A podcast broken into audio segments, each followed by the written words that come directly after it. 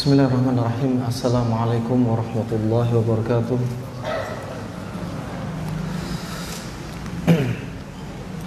Innal hamdalillah nahmaduhu wa nasta'inuhu wa nastaghfiruh wa na'udzu billahi min shururi anfusina wa min sayyiati a'malina. May yahdihillahu fala mudilla lahu wa may yudlil fala hadiya lahu Ashhadu an la ilaha illallah wahdahu la syarika lahu وأشهد أن محمدا عبده ورسوله أما بعد Para hadirin Ikhwani wa akhwati Rahimakumullah jami'an Kita akan melanjutkan Kajian kita dari Daurah Cinta Sehat pada kesempatan terakhir ini kita akan coba mengupas apa yang dibawa oleh Ibnu Qayyim rahimahullah dari tadabbur olahraga Nabi sallallahu alaihi wasallam. Subhanallah kalau kita lihat tadabbur yang dibawakan oleh Ibnu Qayyim ini ya betul-betul masuk akal dan perkara yang mujarrab dan teorinya ternyata tidak menyelisih teori disiplin ilmu pengobatan yang lainnya dari Yunani atau Cina. Kata Ibnu Qayyim rahimahullah dalam kitab ini bahwasannya olahraga adalah termasuk sesuatu yang lazim. Sebagaimana antum ketika hidup perlu makan. Apa yang masuk dalam mulut antum juga ada yang harus dikeluarkan dari tubuh antum. Sehingga perlu keseimbangan antara input dan output. Kalau inputnya besar, yang masuk besar, tapi outputnya kecil, sehingga akan banyak unsur yang tertimbun di dalam tubuh, yang akhirnya menyebabkan kelembapan di dalam tubuh, yang akhirnya timbullah penyakit-penyakit yang disebut Ibnu Qayyim maradul ihtibas. Penyakit yang terpendam karena unsur yang tertimbun. Ya. Contohnya kolesterol, asam urat, kencing manis, obesitas, kegemukan, ya, asam laktat meningkat dan lain sebagainya dari maradul ihtibas. Telah kita sampaikan dari pertemuan sebelumnya tentang pola tidur Nabi yaitu tadabbur istirahatnya Nabi. Kapan kita ambil kemarin ya? Sudah kita sampaikan manusia yang sempurna adalah manusia yang bisa istirahat. Bisa tidur. Dua hari manusia nggak tidur, psikis dia akan kacau. Mudah marah, mudah tersinggung, ya diajak ngobrol tidak konsentrasi ya inilah manusia tapi untuk Allah Subhanahu wa taala la yanam wala yang bagi ayyanam Allah itu nggak tidur dan tidak pantas untuk Allah itu tidur. Ya. Ini adalah wujud kesempurnaan Allah Subhanahu wa taala. Adapun kita kalau kita nggak tidur kita itu cacat. Justru sempurnanya kita dengan tidur. Di dunia kita makan, kita minum. Input. Juga di dunia butuh output untuk dikeluarkan. Di surga juga demikian. Kalau di surga antum nanti makan dalam keadaan antum tidak lapar. Antum makan dalam keadaan antum tidak ada kenyang-kenyangnya. Antum sekarang di dunia puasa. Di dunia puasa punya niat buka nanti balas dendam minum es campur sedrim. Ya. Satu mangkok aja sudah kenyang. Di surga mau minum es campur satu drink silahkan. Ya.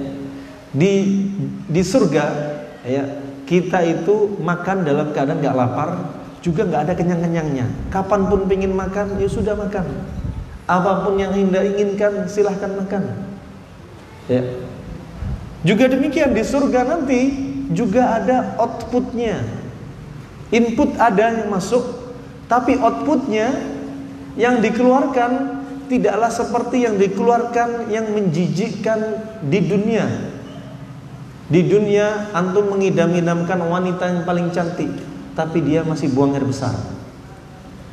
Dia kencing. Dia bisa muntah kalau hamil. Ya, dia bisa ngiler. Dia bisa keringetan, ketiaknya bisa bau. Ya. Tapi di surga, subhanallah, ketika antum makan, outputnya apa? Di surga kita tidak meludah. Di surga kita tidak ingusan di surga kita nggak buang air besar. Di surga nggak buang air kecil. Outputnya lewat keringat. Keringatnya, baunya aroma misik. Baunya wangi. Ya, lain sama secantik-cantik wanita di dunia, keringatnya masih bau. Ya. Demikian rahmani wa rahimakumullah.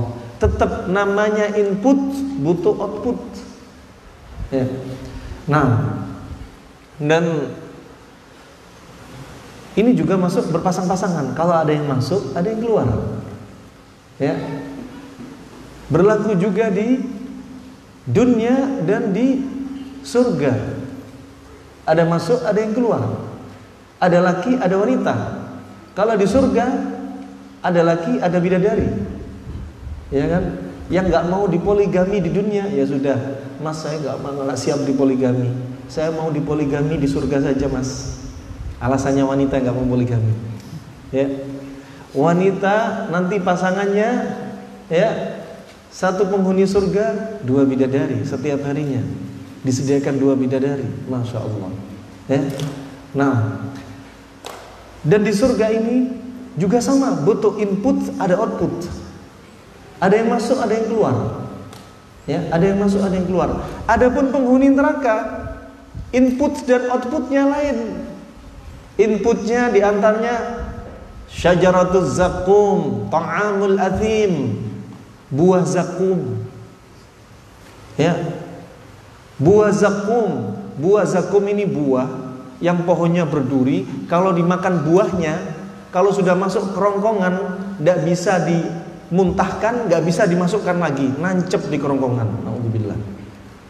Juga tanaman di neraka tal'uha ka'annahu ru'usus syayatin. Buah mayangnya bergelantungan seperti kepalanya setan. Menakutkan. Jangan dipikir neraka itu bercahaya. Neraka itu kazifl seperti aspal gelap. Yang bercahaya hanya apa? Bukan bercahaya. Aslinya api yang berkobar-kobar. Ya, disebutkan dalam hadis sahih, neraka itu seperti lautan Namanya lautan ada tepinya. Para penghuni neraka tatkala diadab oleh malaikat yang malaikat ini ngadab orang penghuni neraka. Satu penghuni neraka disiksa oleh ribuan malaikat. Ya disiksa oleh ribuan malaikat. Ya.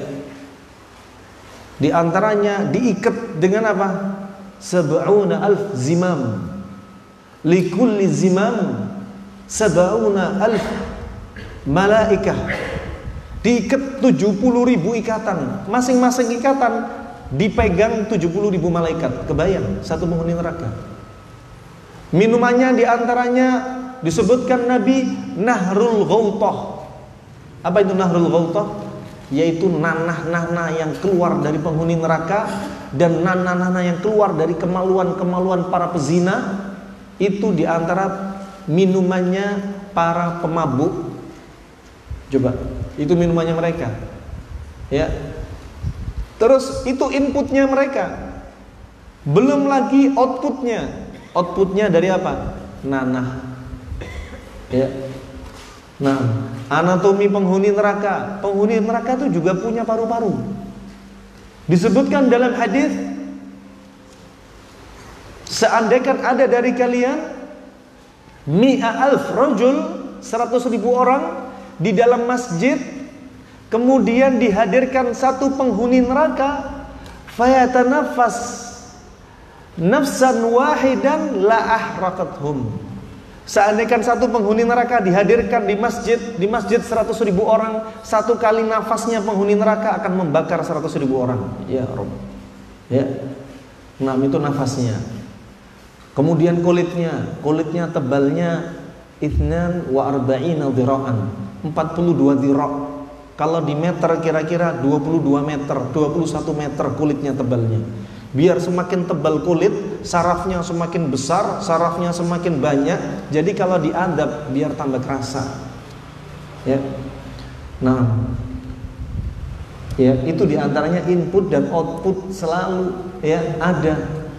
Nah, adapun sekarang kita akan membahas masalah olahraga. Output itu penting di antara outputnya dengan mengeluarkan keringat yang ada di dalam tubuh kita. Ya, keringat yang ada di dalam tubuh kita. Kalau kita jarang olahraga, pori-pori di dalam tubuh akan menyempit. Keringat tidak keluar, akhirnya tertimbun di bawah kulit, akhirnya menimbulkan penyakit. Ya, maka dimanfaat di antara manfaat olahraga adalah untuk membuka pori-pori untuk mengeluarkan racun-racun yang ada di dalam tubuh.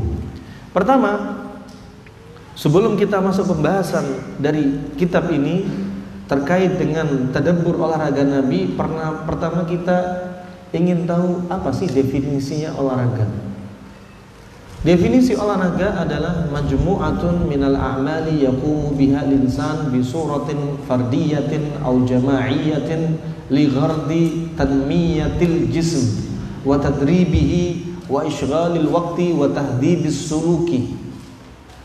Olahraga adalah sekumpulan dari gerakan-gerakan yang dilakukan oleh manusia baik sendirian atau berjamaah ya. Yang tujuannya adalah untuk menjaga tubuh untuk melatih tubuh ya memanfaatkan waktu untuk melakukan gerakan khusus itu olahraga dan sebenarnya diisyaratkan oleh Nabi Shallallahu Alaihi Wasallam. Nabi juga mewasiatkan Agar apa? Kita berihtimam. Kita memperhatikan kesehatan kita, di antaranya menjaga kesehatan ya dengan olahraga. Sebagaimana sabda Nabi Wasallam dan Nabi mencintai olahraga. Nabi menyukai hal-hal yang membuat tubuh ini sehat, baik dari makanan ataupun gerakan ataupun istirahatnya dan lain sebagainya. Sebagaimana dalam hadis riwayat Imam Muslim Nabi bersabda al-mu'min al-qawi khairun wa ahabbu ila Allah min al-mu'min al-dha'if wa fi kulli khair. Kata Nabi sallallahu alaihi wasallam seorang mukmin yang kuat itu paling baik dan paling dicinta di sisi Allah daripada mukmin yang lemah. Dan dalam segala perkara itu ada padanya kebaikan. Mukmin yang kuat dicinta oleh Allah, disukai oleh Allah, paling baik di sisi Allah. Kuat dalam perkara apa? Imannya, fisiknya. Imannya kuat dicinta oleh Allah. Fisiknya kuat dicintai oleh Allah kalau fisik lemah, akhirnya juga akan lari ke mana? Imannya akan juga lama-lama melemah. Orang ketika sakit karena terjadi maradul ihtibas misalkan karena nggak pernah olahraga unsur-unsur di tubuh itu meningkat seperti gula darah naik seperti kolesterol naik mau jalan ke masjid berat melangkahkan kaki berat karena pembuluh darah sudah sempit karena plak-plak karena kolesterol ya Akhirnya apa? Jarang ibadah. Tidak bisa ketemu saudaranya di masjid. Nggak bisa melakukan amalan-amalan seperti sebelumnya tatkala badan dia ringan.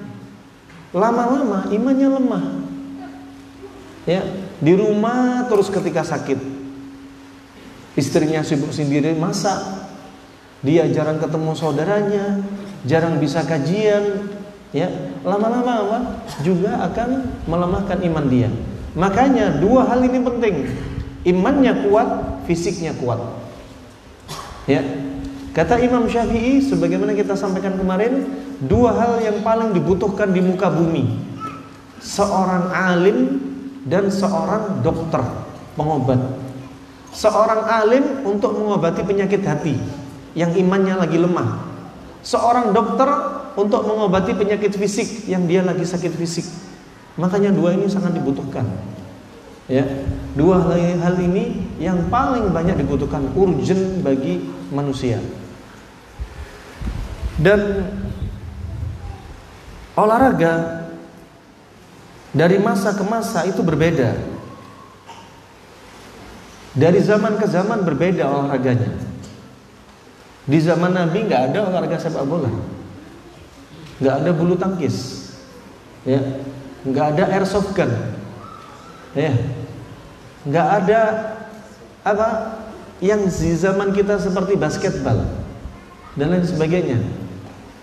Kalau kita lihat mencermati ya olahraga Nabi Wasallam kita akan dapati semua olahraganya Nabi itu tidak membuat jantung terjadi padanya aritmia jantung. Ya, olahraga yang dilakukan Nabi nggak bikin jantung itu apa? Detaknya nggak beraturan. Coba kalau main sepak bola, lari kejar bola. Setelah itu berhenti. Lari ke sana, lari lagi. Kalau bolanya ternyata digiring terus, nggak berhenti berhenti terus ngejar bola, padahal jantungnya sudah lelah. Makanya tidak heran antum pernah saksikan di media maya atau dunia nyata berapa banyak orang yang main sepak bola mati mendadak henti jantung. Coba. Apalagi main futsal di malam hari. Ya. Main futsal di malam hari kita katakan nggak makruh, nggak haram. Cuma kalau jadi rutinitas bahaya untuk antum. Ya. Di malam hari itu kebanyakannya bukan oksigen, mayoritasnya karbon dioksida. Sedangkan ketika antum olahraga, otot-otot, saraf-saraf itu butuh oksigen.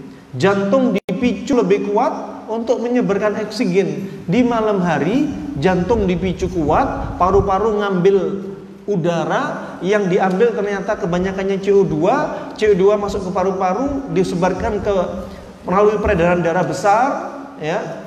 Apa yang terjadi? Akhirnya yang disubsidi ke sel-sel dan otot-otot yang digunakan gerak itu karbon dioksida. Tidak heran kalau orang sering olahraga malam, ternyata beberapa waktu kemudian datang ke dokter. Dok, kok sering otot saya itu kaku? Sering otot saya kejang. Kok sering saya kena rematik? Kenapa? Antum otot-ototnya dibiarkan mengkonsumsi karbon dioksida. Ya, kalau nggak punya waktu olahraga dari pagi sampai sore nggak punya olahraga, malam jangan dipaksa olahraga. Ya. Apalagi malam jam 8 ke atas saatnya jantung istirahat parsial. Istirahat sebagian. Masih dipaksa olahraga, ngopi lagi. Yang dihirup karbon lagi. Ya, dia merasa pede sekali biar tambah sehat, tambah segar. Minumnya instan lagi. Ya. Ternyata bukan kesehatan yang dia dapat, malah penyakit. Ya, kalau kita lihat olahraga Nabi, kita akan sebutkan nanti olahraga Nabi pasti ada hikmahnya pilihan olahraga Nabi. Ya. Nah, berikutnya terkait dengan hukum olahraga. Hukum olahraga asal hukumnya adalah mubah. Boleh-boleh saja. Tapi ingat ada kaidah usul fiqh asyai' al-mubah idza jawaza haddahu ghalaba ila diddi. Perkara yang mubah jika melewati batasan-batasan yang dimubahkan, hukumnya akan berbalik jadi hukum minimalnya makruh, maksimalnya menjadi haram. Ya. Makanya kalau olahraga harus lihat standar yang diperbolehkan. Ya. Olahraga hukum asalnya boleh, ya sudah boleh, tapi dengan syarat-syaratnya. Jangan sampai melanggar apa yang dilarang syariat. Ya. Kalau olahraga melewati hukum boleh, melewati batasnya akan menjadi makruh atau haram. Kemudian rincian berikutnya, olahraga hukumnya boleh. Tapi kalau antum berniat melakukan olahraga seperti olahraga yang dilakukan Nabi dari boleh menjadi sunnah. Dari boleh menjadi ibadah menjadi pahala di sisi Allah Subhanahu wa taala. Sudah sehat dapat berkah kesehatan, dapat pahala. Ya. Nah, akan kita bahas dulu olahraga yang boleh kemudian jadi makruh atau haram. Misalkan main sepak bola pakai celana pendek. Kelihatan auratnya. Ya. Ngegim disertai dengan musik Ngegim ini biasanya ya, nggak semua ya, nggak semua. Biasanya kalau ada game, ngegim di sana ada kaca di depan, di balik sana ada perempuan yang olahraga pakai baju, bukan hanya you can see lagi. You can see all. Ya. Akhirnya you can see, I can see. You can see me, I can see you. Sini ada kaca, antum ngegim di belakangnya sudah pemandangan wanita yang you can see all. Ya. Nah, berarti apa? Hati-hati. Nah, kemudian kaum wanita juga demikian. Gak apa-apa kaum wanita olahraga, tapi dengan syarat jangan di hadapan umum. Ya, apalagi pakai pakaian yang berpakaian tapi telanjang. Berpakaian tapi telanjang bisa jadi transparan. Bisa menjadi you can see, I can see you. Ya, bisa jadi pakaiannya ketat. Ini semua termasuk telanjang. Termasuk telanjang. Ya. Kemudian apa? Kalau berenang, silakan olahraga renang, tapi apa? Hak-haknya harus dijalankan. Ya. Kalau bisa sewa kolam renang, suami istri sama anak lebih nyaman. Kalau berenang sama teman-teman wanita, pakaiannya juga harus betul-betul menutup. Ya. Apalagi teman wanita masih pakai HP. Kemudian selfie lagi renang bareng-bareng. Wah, ini bala musibah. Kalau di Arab, kalau ada walimah, kebiasaan orang Arab ada satgas amar ma'ruf nahi mungkar dari kalangan wanita. Kalau ada wanita masuk, biasanya wanita itu pesta di dalam, pakaiannya pakaian pesta sudah, sudah lepas cadar sudah. HP semua disita, nggak boleh masuk. Ya, untuk apa? Menjaga biar nggak ke mana-mana. Coba. Demikian nggak apa-apa. Nah, tapi ada syarat-syaratnya. Kemudian olahraga jangan sampai olahraga yang membuat apa? Syahna wal baghdha. Bikin marah. Olahraga tinju-tinjuan hasrat untuk bikin saudaranya pingsan ya. maka jangan ya jangan. Juga olahraga yang sampai melalaikan waktu sholat jangan. Ya walaupun itu sepak bola walaupun demi mempertahankan negara dengan sepak bola tetap sholat. Ya nah kemudian olahraga juga demikian. Jangan sampai olahraga yang mencelakakan diri sendiri. Ya mencelakakan diri sendiri olahraga downhill. Dari atas gunung ya medannya sudah kiri kanan setengah meter jalannya sepeda kiri kanan udah jurang. Ya kalau mahir nggak apa-apa. Mahir aja kadang kecelakaan. Apalagi yang nggak mahir. Olahraga yang ekstrim. Kalau antum nuruti kebiasaan orang barat orang barat memang nggak pikir nyawa. Ya. Kalau kita pikir nyawa, jatuh mati, kita belum siap menghadap Allah Subhanahu wa taala. Ya. Jangan jerumuskan diri sendiri. Ya, la dharar wala dirar. Ya, wala tulhiku anfusakum ila tahlukah. Ya, jangan celakakan diri sendiri. Dan olahraga berikutnya jangan sampai ada unsur kimar, perjudian. Ya. Olahraga misalkan olahraga lari tingkat provinsi bayar dulu pakai uang muka 100 ribu yang menang dapat mobil isinya dan istrinya. Ini nggak boleh. Ya nggak boleh.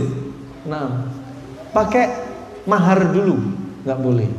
Ya maka jangan sampai olahraga itu apa melanggar syariat melanggar syariat. 6. Dan olahraga yang hukum asalnya mubah akan bernilai pahala jika kita niatkan kita berolahraga seperti yang dilakukan Nabi. Inilah bedanya orang yang berilmu sama orang yang nggak berilmu. Allah sudah berfirman hal yastawil ladina ya'lamuna wal ladina la Apakah sama orang yang berilmu sama orang yang nggak berilmu? Nggak sama. Orang yang berilmu dengan menggeser niat dikit jadi ibadah. Orang yang nggak punya ilmu nggak paham. Coba seperti makan, hukum asal makan itu mubah.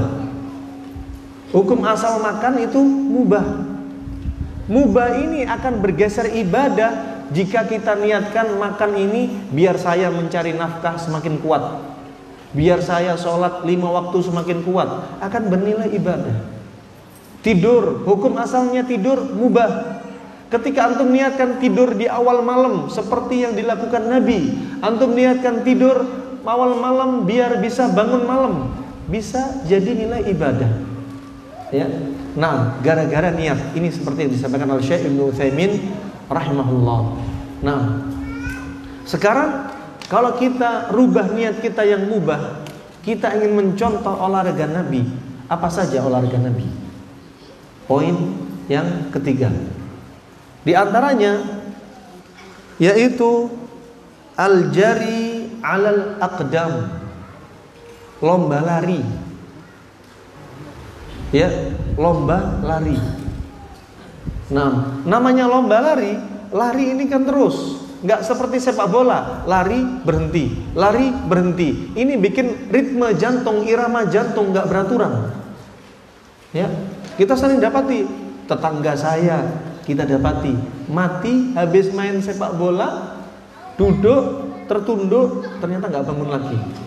Jantungnya sudah lemah, sudah henti jantung, nggak kuat, dipaksa. Tapi kalau lari ada saatnya lelah ya sudah dia istirahat. Ya, ini lari termasuk sunnah. Termasuk sunnah. Sebagaimana Nabi Wasallam pernah lomba lari dengan Aisyah radhiyallahu anha. Ya, pernah lomba lari sebagaimana riwayat Abu Dawud disahkan oleh Syalbani rahimahullah. Ketika Aisyah ya waktu itu baru nikah dengan Nabi yang badannya masih kurus Ya, Aisyah lomba lari dengan Rasulullah dan Aisyah yang menang. Ketika kata Rasulullah ketika sebelum lomba lari, takaddamu, takaddamu, maju kalian para sahabat, sahabatku maju. Ternyata Rasulullah lomba lari, biar sahabat tidak melihat.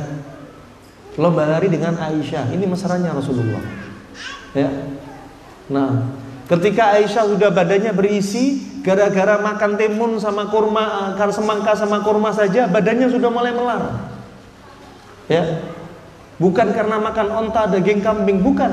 Hanya semangka sama kurma badannya sudah berisi. Lomba lari Aisyah sudah kalah sama Rasulullah SAW ya? Maka kesehatan itu nggak dilihat dari mahal-mahalan lauk pauk tapi dilihat dari kombinasi panas dan dingin ya seandainya makanan itu dilihat dari segi sisi baik lauk pauk niscaya gajah akan makan kambing. Gajah akan makan sapi biar gemuk, tapi gajah hanya makan rumput bisa gemuk. Nah, kemudian ini Rasulullah SAW saking mesranya, ya. Sudah kita sebutkan pula bagaimana mesranya Rasulullah ketika ada seorang Habasyi memainkan panahnya atau tombaknya, ya Aisyah nggak bisa melihat karena dindingnya orang-orang Arab sampai sekarang di Yaman yang masih primitif dinding rumah mereka seperti di Damaj itu tinggi. Biar wanita nggak bisa nengok eh, jendela. Sudah tinggi kecil lagi hanya 30 kali 30 cm ya kalau rumah kita sekarang subhanallah keliling semuanya kaca jangan biarkan istri anda melihat dunia luar terlalu sering ya nanti istri anda shopping terus Biarkan jendelanya kecil, itu di masa lalu. Sampai akhirnya apa? Rasulullah memikul Aisyah dari belakang, digendong. Aisyah melihat dari jendela, pipinya Rasulullah digesek-gesekkan ke pipinya Aisyah. Masya Allah. Antum sekali-kali ayuhal ikhwan, kalau cinta sama istri mulai pudar, kasih pupuk lagi. Sekali-kali anak-anak titipin ibu antum, antum berdua nginep hotel, perlu dipupuk. Wallah benar. Ya. Rasulullah Shallallahu Alaihi Wasallam pernah. Ya Rasulullah ini Rasulullah pernah bertengkar dengan Aisyah. Rasulullah Aisyah ini sampai ngangkat suara di hadapan Rasulullah. Tapi apakah Rasulullah yang berakal itu akan balas teriakan Aisyah? Apakah Rasulullah bilang, ya Aisyah, kamu gak inget ya?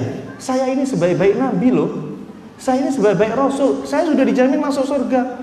Kamu ini sudah dijamin apa enggak? Ya, berani kamu teriak-teriak depan saya? Enggak. Ini makanya kalau antum diteriakin istri jangan balas teriak. Kalau istri antum sedangkan marah, antum jangan tambah bensin tambah marah. Biar yang panas kasih yang dingin. Iya kan? Kalau istri antum sedang panas membara, kasih yang dingin-dingin. Ya, Rasulullah SAW pinter nyari solusi. Ketika Aisyah teriak-teriak seperti nggak ada solusi, apa yang katanya uh, Rasulullah lakukan? Ya Aisyah, kalau kita nggak bisa selesai masalah ini, gimana kalau kita jadikan hakim di antara kita berdua? Padahal siapa dari manusia, kalangan manusia hakim di atas Rasulullah yang lebih adil daripada Rasulullah. Tapi saking tawaduknya Aisyah eh, Rasulullah, coba Ya sudah jadikan hakim, tapi kamu harus sampaikan beritanya dengan detail nanti. Digitukan sama Aisyah. Siapa hakimnya? Gimana kalau Abu Bakar As-Siddiq bapak kamu sebagai hakim? Jadikan bapak saya sebagai hakim, tapi cerita, ceritakan kisah sebenar-benarnya. Ya. Kemudian dipanggil Abu Bakar As-Siddiq. Ketika Abu Bakar As-Siddiq mendengar teriakan Aisyah terdengar dari rumah rumahnya Rasulullah, Abu Bakar apa yang langsung dilakukan? Masuk rumah, tangannya sudah mau terbang. Dikejar Aisyah. Kira-kira Aisyah larinya ke mana coba? Kamar mandi? Bawa ranjang? Dapur? Larinya ke mana coba? Di belakangnya Rasulullah. Sembunyi di belakang Rasulullah.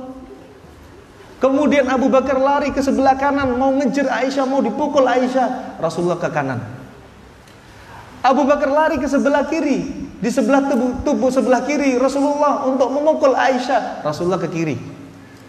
Kemudian Rasulullah menolehkan wajahnya ke belakang. Aisyah, hakimnya ini siapa? Nah, nah hakimnya siapa? Akhirnya Abu Bakar keluar marah. Ya. Enggak selang waktu berapa lama balik Abu Bakar radhiyallahu an memasuki rumah Rasulullah sudah mendapati keduanya rambutnya basah. Ini faedahnya banyak ini. Dan lagi makan anggur. Ya. Kemudian kata Abu Bakar, kalian kalau ada masalah panggil saya. Kalau sedang enak-enak makan-makan gini nggak panggil saya. Itu para hadirin. Pertama faedah yang diambil kalau lagi ada masalah jangan diterusin Ajak aja istri ke kamar. Dinginkan masalah. Ya. Kemudian yang berikutnya, kalau mertua yaitu bapaknya perempuan kalau dilaporin oleh anaknya perempuan hati-hati jangan termakan. Biasanya perempuan itu sering salah. Seorang bapak dari wanita jangan mengikuti alurnya anak Anda perempuan. Ya. Rasulullah coba. Abu Bakar tidak bela Aisyah. Tidak bilang Abu Bakar, "Ya Rasulullah, berani kamu sama anak saya." Kamu gak ikut besarkan anak saya. Tidak gitu. Coba Aisyah malah yang disidang. Coba kalau mertua sekarang, antum bertekar sama istri antum, istri antum lapor ke bapak ibu antum, dicari antum. Ya, wong mertua antum ini kalau ada semut gigit anaknya dicari sampai dibunuh, apalagi antum. Gak ikut besarin, ngerasakan enaknya, ya. Jadi mertua jangan kayak gitu, ya. Nah, harus juga dewasa. Ini pengalaman para hadirin rahmatullah. Pengalaman pribadi juga. Nah, kemudian uh, juga Rasulullah demikian kalau dengan Aisyah sedang santai-santai minum. Setelah Aisyah minum, dicari gelasnya sama Rasulullah, mana bekas bibirnya Aisyah. Bekas bibirnya dipaskan di bibirnya Rasulullah. Pernah nggak antum kayak gini? Iya kan? Ini diamalin ini. Ya. Nah, yang jomblo gigit jari. Baik. Rahimani wa rahimakumullah, maka jari alat akdam itu termasuk sunnah. Jika Anda amalkan ingin mencocoki apa yang diajarkan Rasulullah sallallahu alaihi wasallam. Ya. Dan al jari alal akdam tetap ada pantangannya. Lari itu ada pantangannya. Pantangannya untuk siapa? Orang yang obesitas, kegemukan. Badannya gede, ya, mau lari, niatnya ngurusin badan, akhirnya lututnya yang kena. Ya, lututnya yang kena. Ya. Untuk olahraga lari untuk orang obesitas nggak direkomendit. Berikutnya untuk orang yang gagal jantung 10 meter jalan kaki aja sudah apalagi lari 10 meter sudah terengah-engah apalagi lari nggak direkomendit Begitu pula untuk orang yang sudah cairan sendinya, cairan sinovialnya sudah kering, walaupun dia masih muda, jangan lari. Ya, jangan lari. Maka semua ada aturannya. Mana yang boleh, mana yang nggak boleh. Kalau ini aslinya boleh, kemudian Anda menjalankan amalan yang olahraga pilihan seperti sunnah lari, tapi menimbulkan bahaya bagi diri Anda, bisa jadi makruh. Seperti hukumnya makan. Makan hukumnya asalnya boleh. Makan hukumnya bisa menjadi wajib kalau Anda nggak makan terus mati. Di padang pasir Anda nggak menemukan makanan dalam keadaan kelaparan kecuali bangkai hewan. Kalau Anda nggak makan bangkai Anda mati, wajib Anda makan bangkai. Coba. Hukum makanan juga bisa jadi haram. Kencing manis, gulanya tinggi sekali, jadi kontraindikasi makan nasi, makan nasi bisa jadi haram. Kalau sampai bisa membahayakan diri Anda. Ya. Nah, demikian semua ada apa? Standarnya, ada ilmunya. Ya. Nah, ini olahraga lari. Ya. Berikutnya yang lari juga nggak boleh ibu hamil jangan disuruh lari. Ya. Ibu hamil jangan disuruh lari. Ya. Begitu pula orang yang sudah tua renta nggak cocok pakai lari. Nah, nggak cocok pakai lari. Semua ada pada tempatnya. Itu namanya hikmah menempatkan suatu pada tempatnya. Kemudian yang kedua, ar-rimayah memanah. Sebagaimana hadis dalam riwayat Imam Muslim, ala inna quwwata ar-rami ala innal quwwata ar-rami ya bahwasanya kekuatan itu pada lemparan orang-orang saudara kita dari Palestina sampai sekarang lemparnya pakai batu. Ya. Termasuk lemparan ini juga memanah. Termasuk lemparan ini juga bisa sebagaimana kita tanyakan kepada syekh kita ya. Syekh Abdul Al-Mar'i bahwasanya olahraga dengan menggunakan senjata di zaman zaman sekarang seperti senjata organik ya ataupun pakai airsoft gun itu juga termasuk sunnah. Ya. Ada yang mengatakan panah itu sudah bukan sunnah, nggak zamannya di zaman kita. Zaman kita sudah AK-47, M16, SS1 katanya. Nggak zamannya panah.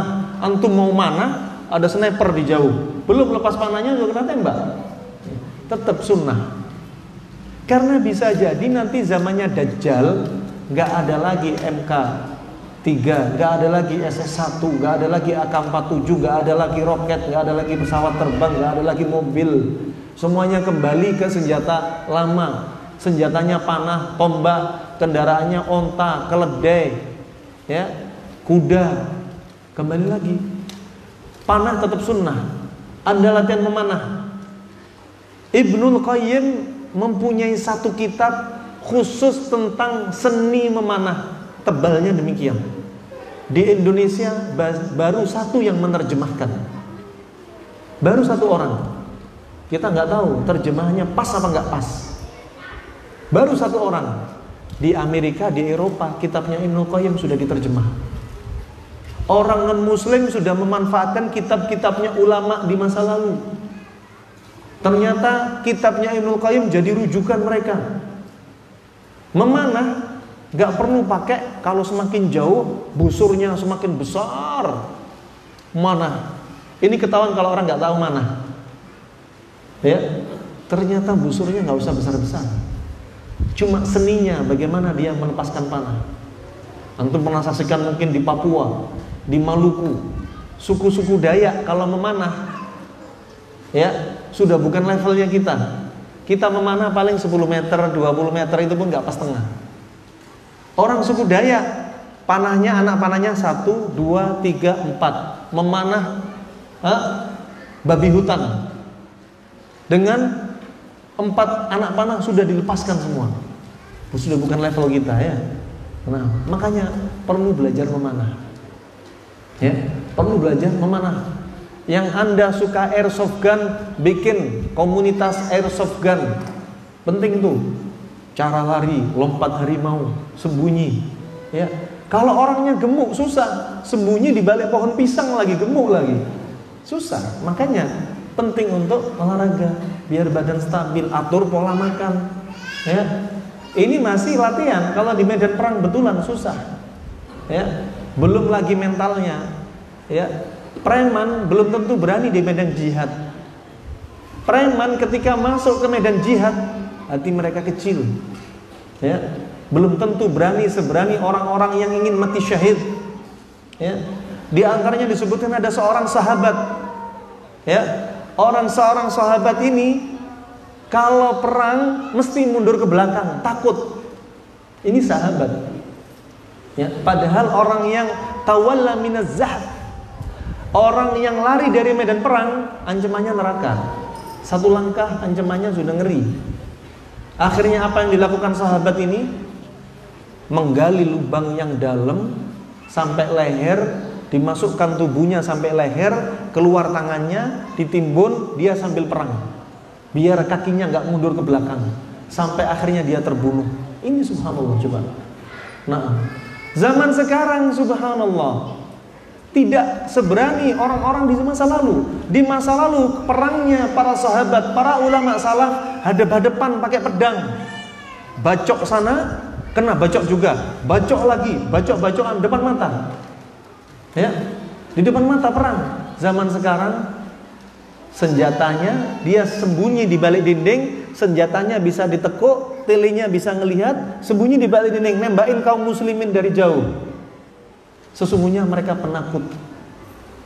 Ya. Mereka adalah hakikatnya penakut. Ya. Coba kalau hadap-hadapan. Ya. Lari lompat dinding pasukan Yahudi saja, lari loncat dinding sudah jatuh-jatuh. Ya. Ketika kaum muslimin punya sedikit kekuatan, mereka sudah kabur. Nah, dan rahimani wa rahimakumullah, memanah itu penting. Airsoft gun, silahkan. Ya, memanah silakan. Adakan setiap pekan olahraga memanah. Ikhwah urunan dengan komandan Pak Rauf, usahakan airsoft gun resmi. Ya. Usahakan beli 10 unit resmi. Setiap pekan hari libur kumpul lomba airsoft gun, cari medan yang aman. Cari pelindung, kacamata, ya, sarung tangan, Kemudian untuk dada, cari pelindung sehingga nggak membahayakan mata. Tetap pada standar-standar olahraga yang nggak membahayakan. Ya. Dan airsoft gun, orang yang olahraga airsoft gun nggak bisa dicap teroris itu resmi dari pemerintah. Diperbolehkan. Dan kita bukanlah teroris. Sunnah, ya latihan-latihan semacam ini. Sampai Nabi sudah bersabda coba. Dalam sabda Nabi riwayat Imam Muslim, "Man alima ar-rami thumma tarakahu falaisa minna au qad asa. Ancaman dari Nabi. Barang siapa yang punya sudah punya keterampilan melempar, memanah, kemudian dia tinggalkan. Namanya tinggalkan tarokahu itu ditinggalkan dengan sengaja. Maka dia bukanlah dari golongan kami, bahkan dia telah berdosa. Cuy, hati-hati. Yang sudah bisa memanah terus terus di murojaah ya memanahnya latih kaum muslimin dengan memanah ada saudara kita di Depok dia juara kedua memanah nasional. Bisa untuk manggil dia. Untuk apa? Belajar seni memanah dengan benar. Dia siap dipanggil. Nah ini penting rahmani rahimakumullah. Sampai Rasulullah mengatakan apa? Barang siapa yang meninggalkan ilmu memanah dia sudah ahli ditinggalkan maka dia bukan dari golongan kami. Falaisa minna au qad bukan dari golongan kami atau bahkan dia termasuk telah berdosa. Ya. Nah kemudian tapi jangan disalahartikan. Mending saya nggak usah latihan lah biar nggak berdosa. Jangan latihan ya. Kemudian yang ketiga al furusiyah warukubul khail. Latihan berkuda. Latihan berkuda mau pakai pelana atau nggak pakai pelana? Latihan. Ya. Pernah kita tanya kepada Syekhuna Abdullah Al-Mar'i termasuk berkuda di zaman sekarang Anda juga harus terampil mengendarai semua kendaraan selama Anda dikasih kesempatan untuk bisa belajar. Kalau bisa nyupir sobir mobil manual maka mobil metik Anda harus bisa. Ya, pernah waktu itu Syekh kami sedang sakit. Kita dipanggil untuk memeriksa Syekh. Wah, Syekh ini kayaknya harus di rumah sakit ya, Syekh. Antum harus segera dibawa. Nah, karena kondisinya darurat ini. Abdurrahman bisa antar anak. Bisa, Syekh. Mobil antum apa, Syekh? Metik. Wah, anak belum bisa nyuper metik waktu itu. Saya masih manual. Syekh agak kecewa. Kemudian setelah pulang dari rumah sakit, di kajiannya disindir. Yang tidak bisa nyupir mobil metik harus bisa nyupir mobil metik. Wah, kena dah. Kena. Kemudian juga demikian, kalau Anda dikasih kesempatan oleh saudara Anda untuk bisa mengendalikan perahu, kapal, silahkan belajar. Kalau pemerintah Anda mengizinkan Anda untuk mengendalikan bisa mengendarai tank, silahkan belajar cara mengendarakan tank. Kalau Anda dikasih kesempatan untuk mengendarakan helikopter, silahkan belajar mengendarai helikopter. Ya. Nah, ini apa? Kaum muslimin harus punya hirs, semangat untuk bisa dalam semua bidangnya. Saat ini Anda mungkin belum butuh cara memanah, membedek yang benar. Ada kalanya jika Allah jadikan negeri ini harus ditegakkan ya, seperti jihad. Berarti apa? Anda harus siap apa yang Anda latih, Anda sudah punya. Ya. Nah, ini al-furusiyah warukubul khail. Ya. Ini termasuk juga sunnah sebagaimana hadis Abu Hurairah riwayat Abu Daud, riwayat Abu Daud. Dan Rasulullah Shallallahu alaihi wasallam pernah dia berlomba dengan menggunakan kuda tanpa pelana dengan pelana atau tanpa pelana Rasulullah sudah mahir ya mengendarai kuda dalam riwayat Imam Al Bukhari ya apalagi mengendarai kuda sambil memanah Lah antum naik kuda, belum mana sudah jatuh, nggak pegangan. Ya, makanya penting. Ya. Naik kuda aja susah. Untuk naik kudanya susah payah. Ya, harus latihan naik kuda. Ya, setelah bisa naik kuda sambil memanah sambil naik kuda. Ya, sambil memanah sambil naik kuda. Harus semangat, harus ada ini. Di Maros harus ada ajang olahraga sunnah. Ya kalau bisa dibuka untuk umum diajari kaum muslimin cara memanah yang benar itu kesempatan antum berdakwah. Panggil saudara kita dari Depok untuk melatih antum. Seni memanah. Ya penting sekali. Orang nggak pernah mana memanah gini tangannya sakit yang ininya kejang. Manja sekali kita orang. Nah ini penting para hadirin rahmani wa rahimakumullah jami'an. Ya di masa lalu ada ya orang-orang salah kalau naik kuda kakinya itu nempel tanah. Kebayang nggak besarnya? Ini orang Arab nih. Makanya orang Arab itu kurumusumnya masya Allah kuat. Yang badannya keker-keker sini sama orang kurusnya orang Arab belum tentu menang kalau bulat. Memang kurumusumnya kuat. Sampai kalau perlombaan kuda internasional dicek gen-gennya. Kalau ada gen kuda ternyata ada turunan Arab, tidak boleh ikut lomba. Sudah terkenal kuatnya. Ya, sudah terkenal kuatnya. Ya, sampai orang-orang musyrik dulu kalau mau perang sama kaum salaf, apa yang dilakukan? Sini kamu. Kalau kamu bisa pakai celana saya cukup, kamu perang sama saya. Celananya dilepas, diganti dengan sirwal yang lain. Ini pakai celana saya. Celana celananya ini dipakai akhirnya apa? Sampai dagu dia. Sudah kamu nggak usah perang sama saya. Nah. juga kita dapati waktu kita di Hadramaut kakek-kakek cerita saking kuatnya mereka. Sumur di Arab itu nggak seperti sumur tempat kita. Diameternya bisa 4 meter.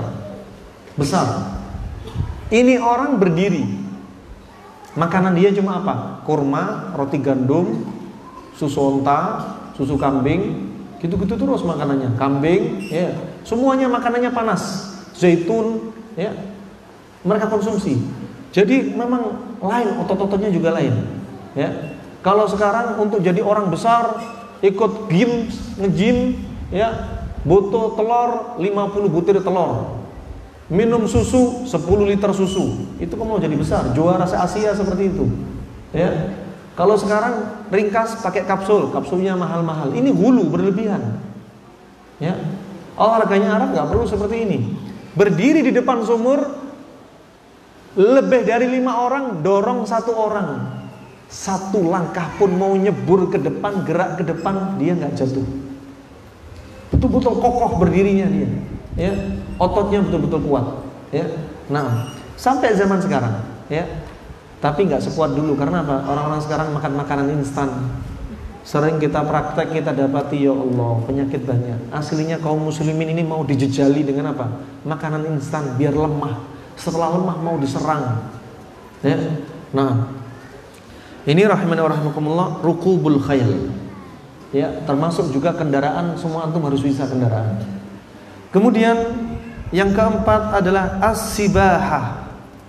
As-sibahah yaitu renang. Ini juga termasuk sunnah. Ya, termasuk sunnah. Adapun athar Umar bin Khattab, "Allimu auladakum as-sibaha war rimayah." Ajarilah anak kalian dengan renang dan memanah. Tapi sanatnya dhaif. Tapi datang dari sanat yang sahih dari riwayat Imam Al-Baihaqi dalam Sunan Al-Kubra disahihkan Syalbani rahimahullah Kata Rasulullah sallallahu alaihi wasallam, "Kullu syai'in laisa min dzikrillah fahuwa lahwun aw sahwun." Segala sesuatu yang bukan ada padanya zikir Allah, maka itu kelalaian. Kelupaan, kelalaian. Illa arba'a khisal, kecuali empat hal. Di antaranya yaitu masyu ar-rijl baina fardhain. Jalan kaki. Termasuk sunnah. Ya, Pernah ada riwayat ketika sahabat ya datang menziarahi sahabat yang lainnya. Kata sahabat ini apa? Karena ama waqad kana amara amarana Nabi sallallahu alaihi wasallam an nahtafiya 'alal aqdam. Nabi pernah memerintahkan kepada kami untuk jalan telanjang, bukan pakainya telanjang, kakinya telanjang. Jalan tanpa pakai sandal kadang-kadang itu sunnah. Demikian pula kata Syekh Mukbil rahimahullah. Anda jalan sekali-kali nggak pakai sandal itu sunnah. Tapi jangan jadikan rutinitas. Maksudnya rutinitas 24 jam atau 12 jam ke mana-mana nggak pakai sandal. Ke bandara nggak pakai sandal. Ke mall nggak pakai sandal. Katanya apa? Sunnah Nabi. Ya. Kadang-kadang nggak pakai sandal. Antum di rumah jalan nggak pakai sandal, lewat di atas kerikil untuk refleksi kaki. Itu ada hikmahnya yang mana kaki kita ada padanya ujung-ujung saraf. Ketika itulah untuk apa? Menyemangati saraf, merangsang saraf. Ya, ada orang yang kencing terus-menerus satu bulan jalan di atas uh, kerikil, ya apa? Sembuh kencingnya yang netes. Ada orang yang mandul, nggak punya anak, jalan nggak pakai sandal, sembuh satu bulan dua bulan nggak pakai sandal. Tapi apa? Semua ada batasannya. Kalau pakai alat-alat seperti misalkan jalan refleksi pakai sandal refleksi atau jalan di atas kerikil, kalau bisa jangan lebih dari 15 menit. Kalau lebih dari 15 menit saraf itu bengkak. Makanya Nabi katakan apa? Amar sahabat ini mengatakan apa? Amarana Nabi sallallahu alaihi wasallam an nahtafiya alal aqdam. Ahyanan kata Rasulullah. Kami diperintah Nabi untuk jalan nggak pakai sendal, kakinya telanjang, tapi apa? Kadang-kadang, jangan sering-sering. Nah, kemudian sibaha ini sunnah sebagaimana dikatakan Nabi, ya. Empat hal itu di antaranya jalan, kemudian watak dibuhu farasahu atau dia melatih kuda dia dan mula abatu mula'abatuhu ahlahu. Nah, ini dia yang ketiga ini penting. Termasuk olahraga, termasuk apa kata Rasulullah? Semua hal itu di muka bumi yang nggak ada pada zikir Allah itu lupaan, kelupaan dan kelalaian. Kecuali empat hal. Ingat Rasulullah kalau nyebutin al-adad la yufidul hasr. Bilangan tertentu itu nggak memberikan makna pembatasan. Empat hal di sini bukan hanya empat hal ini aja, tapi masih banyak hal-hal yang lain yang nggak disebutkan Nabi. Yang pertama tadi apa? Jalan kaki. Yang kedua apa? Melatih kuda. Yang ketiga ini sangat menarik. Mula abatuhu ahlahu. Bermain-main dengan istri. Termasuk mula abah foreplay sebelum hubungan intim. Ya, sebagian ulama mengatakan sunnah, sebagian lainnya nggak mengatakan sunnah. Yang mengatakan sunnah seperti Ibnu Qayyim, seperti Imam Nawawi, seperti As-Sobuni dan lain sebagainya, lain dari mereka mengatakan sunnah hukumnya foreplay. Ya, ini sebenarnya pembahasan 18 tahun ke atas. Nah, kemudian yang berikutnya yang keempat, wa ta'allam as-sibahah dan belajar berenang termasuk sunnah. Hadis ini disahkan oleh Syekh Albani rahimahullah. Ya, maka berenang termasuk sunnah dan disebutkan oleh para dokter, dokter tulang, dokter jantung. Ya, mereka menyebutkan olahraga yang paling bagus adalah renang. Untuk orang gemuk nggak bahaya untuk lututnya. Ya. Untuk orang yang kebanyakan ada kontraindikasi renang itu paling aman jauh dari cedera. Dan yang paling bagus adalah gaya apa? Bebas. Ketika renang semuanya gerak leher gerak tulang punggung gerak ya kemudian pinggul gerak ya kaki gerak itu saat itulah darah dipacu untuk berputar ke mana-mana ke seluruh tubuh selama saya praktek nggak pernah menganjurkan orang yang saraf kecepit untuk operasi. Kami hanya anjurkan renang satu pekannya minimal dua kali. Alhamdulillah ada yang sembuh dua bulan sudah sembuh dengan izin Allah. ada yang enam bulan, ada yang sakitnya parah sekali, bertahun-tahun saraf kejepit sampai kakinya mengecil, renang satu tahun, subhanallah, sembuh total dengan izin Allah subhanahu wa ta'ala. Ya, nah itu renang paling bagus adalah gaya bebas. Renang yang paling berbahaya adalah gaya gaya dada. Masuk ke air, tenggelam, dada-dada. Ya. Nah. Rahimani wa rahimakumullah. Yang berikutnya yang kelima yaitu al-musara'ah. Bergulat termasuk sunnah. Coba dari 1 sampai 5 ya, sampai 5 kita sebutkan olahraga yang di yang ada pada Nabi ini kalau kita mau hayati nggak ada satupun apa yang membuat ritmenya jantung, iramanya jantung labil, nggak normal. Coba renang normal, lari normal, pacuan kuda normal. Di antara hikmah pacuan kuda disebutkan Ibnu Qayyim kalau orang punya batu ginjal olahraganya berkuda. Ya. Olahraganya berkuda. Ketika naik kuda ginjalnya ginjal-ginjal. Ya. Untuk apa? Ngocok batu, ngeluarin batu. Subhanallah. Itu olahraganya. Juga dia apa? Menghentakkan pembuluh darah kita untuk nyebar ke seluruh tubuh. Ya.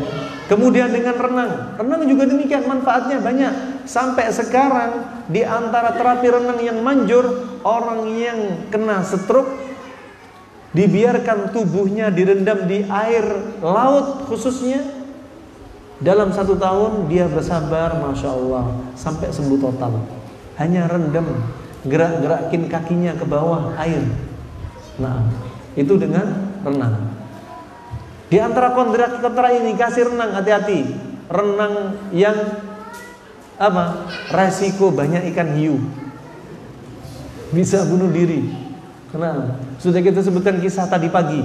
Ya, hiu di Arab nggak sama sama hiu di Indonesia. Ya, hiu di Arab agak ramah. Eh, hiu di Indonesia agak ramah. Hiu di Arab sangat buas. Ya, perahu bisa dijebol dari bawah, perahu dari fiber. Orang yang lagi berdiri langsung disambar di bawah sama ikan hiunya. Ya, ini kisah nyata bukan film. Ya, nah Kemudian al-musara'ah. Al-musara'ah bergulat. Ya. Ini juga pernah dilakukan Nabi wasallam sebagaimana dalam riwayat Abu Daud dan dihasankan oleh Syalbani bahwasanya Rasulullah pernah bergulat dengan sahabat namanya Rukana dan Rukana berhasil dijatuhkan oleh Nabi. Ya, berhasil dijatuhkan oleh Nabi. Nabi kuat. Kekuatan Nabi bisa 10 kali lipat kekuatan sahabat Nabi. Nabi bisa mendatangi sembilan istrinya hanya dalam satu malam. Kadang dengan satu kali mandi, kadang setiap istri dengan satu istri satu mandi. Ya, ini Nabi saw. Antum mendatangi istri antum satu istri itu berapa kali? Ya, ini Nabi, Subhanallah, satu malam. Malam itu berapa jam sih? bisa sembilan istrinya digilir. Ya. Sembilan istrinya digilir. Antum lihat Nabi dijuluki sampai turun surat al-hujurat. Artinya hujurat jamak dari hujur yaitu kamar-kamar. Ya. Makanya Nabi dijuluki, dijuluki apa? Ashabul hujurat jadi enak kalau istrinya lebih dari satu tinggal pindah sana pindah sana pindah sana Ustadz Fauzan jauh Antum doakan Ustaz Fauzan di sini semua ya. Nah. Rahimani wa. Nah, itu semua jihad ya. Sikap adilnya Ustaz Fauzan, Masya Allah. Ya, semoga Allah jaga beliau. Nah, kalau bilangnya adil, ada istri yang takut-takutan poligami, Mas, kamu gak akan bisa adil, Mas. Ya, Rasulullah nggak bisa adil. Kalau adil maksudnya adil hati, Adil hanya milik Allah. Hati yang punya milik Allah. Dari sembilan istrinya Rasulullah paling condong kepada Aisyah. Sampai ketika meninggalnya Rasulullah minta izin ke istri lain agar malam itu di pangkuan Aisyah. Coba. Yang dipilih Aisyah nggak bisa memang namanya adil hati. Adil yang dimaksudkan oleh Syekh Utsaimin dan Syekh Muhammad bin Abdul Wahab Al-Wusabi rahimahumullah adil dalam empat hal. Adil dalam perkara pakaian, adil dalam perkara bermalam. Kalau sana dua hari, sana juga dua hari. Harus adil, ya. Adil dalam perkara bermalam. Tapi nggak harus kalau misalkan ya istri yang pertama dapat dua malam, Istri yang pertama Masya Allah Satu malam bisa berkali-kali. Beronde-ronde. Istri yang kedua sama dua malam. Tapi rondenya nggak sama. Apakah ini adil? Nggak, nggak mampu. Nggak apa-apa. Ya. Karena apa? Sesuai dengan kemampuan kita. Yang penting artinya tidur di sini Al-mabid Bukan jima. Bermalamnya Bukan jumlah jimanya Ya. Kemudian yang ketiga adil dalam perkara apa? Tempat tinggal yang keempat adalah perkara apa? Ma'isyah. Nah, itu yang maksudnya adil. Nah, ada sebagian akhwat Masya Allah Nawarkan kepada suaminya Mas, Bang, A Mau nambah lagi nggak? Eh, yang benar kamu dia Benar, tapi aku punya syarat Oh ada syaratnya Apa syaratnya? Pertama, dia harus lebih cantik daripada aku Wah, siap deh. Yang kedua, dia harus lebih muda dan hafal Al-Quran. Masya Allah, banyak deh. Saya usahakan. Yang ketiga, langkai dulu mayat kubang. Gagal. Rahimani wa rahimakumullah. Al-musara'ah juga termasuk apa? Latihan kungfu, karate, semua bela diri silahkan. Semua bela diri. Tapi dengan syarat apa? jangan sampai kalau ada komite bertengkar, jangan sampai ada syahna wal baghdha. Jangan sampai. Ya. Kemudian yang keenam adalah as-saif wal mubarazah bisilah. Latihan pedang, latihan senjata. Tapi ingat kalau nggak bisa main pedang, jangan perang dulu. Bahaya. Ya, Sebagaimana disebutkan oleh Imam Muslim, tidak boleh kita antara saudara kita apa mengarahkan senjata ke arah saudara kita. Ya. Antum mengarahkan senjata mau pisau, mau pedang, mau senjata organik, nggak boleh diarahkan ke depan saudara kita. Setan akan membisikkan dia sampai meledakkan pelatuknya, sampai menusukkan pedangnya. Malaikat akan melaknat dia sampai dia menurunkan arah senjatanya dari hadapan saudaranya maka jangan ya sampai disebutkan ya oleh sebagian masyayikh termasuk Anda mengarahkan pulpen Anda, pena Anda kepada saudara Anda yang mana itu ujungnya besi. Jangan. Kalau ngadep saudara Anda tutup. Kalau enggak diarahkan ke bawah. Ya. Nah. Dan kalau nggak mampu, belum bisa ya sudah pakai pedang-pedangan, pakai kayu. Setelah mahir silahkan pakai pedang beneran, ya. Biar apa? Nggak menciderai, nggak menciderai. Telah datang tatkala ada seorang Habasyah yang sedang bermain ya bermain pedang ya di sisi Nabi Shallallahu Alaihi Wasallam Umar mau mengingatkan dia. Kemudian kata Nabi apa? Dahum ya Umar. Hadits ini riwayat Bukhari. Ya Umar biarkan mereka bermain senjata. Dibiarkan sama Nabi.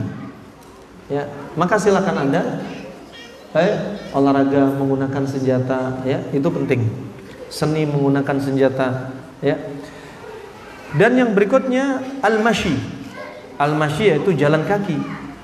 Ya. Waqad kana Nabi sallallahu alaihi wasallam min asra'in nas masyan. Ya. Adalah Nabi sallallahu alaihi wasallam adalah termasuk orang yang jalannya paling cepat.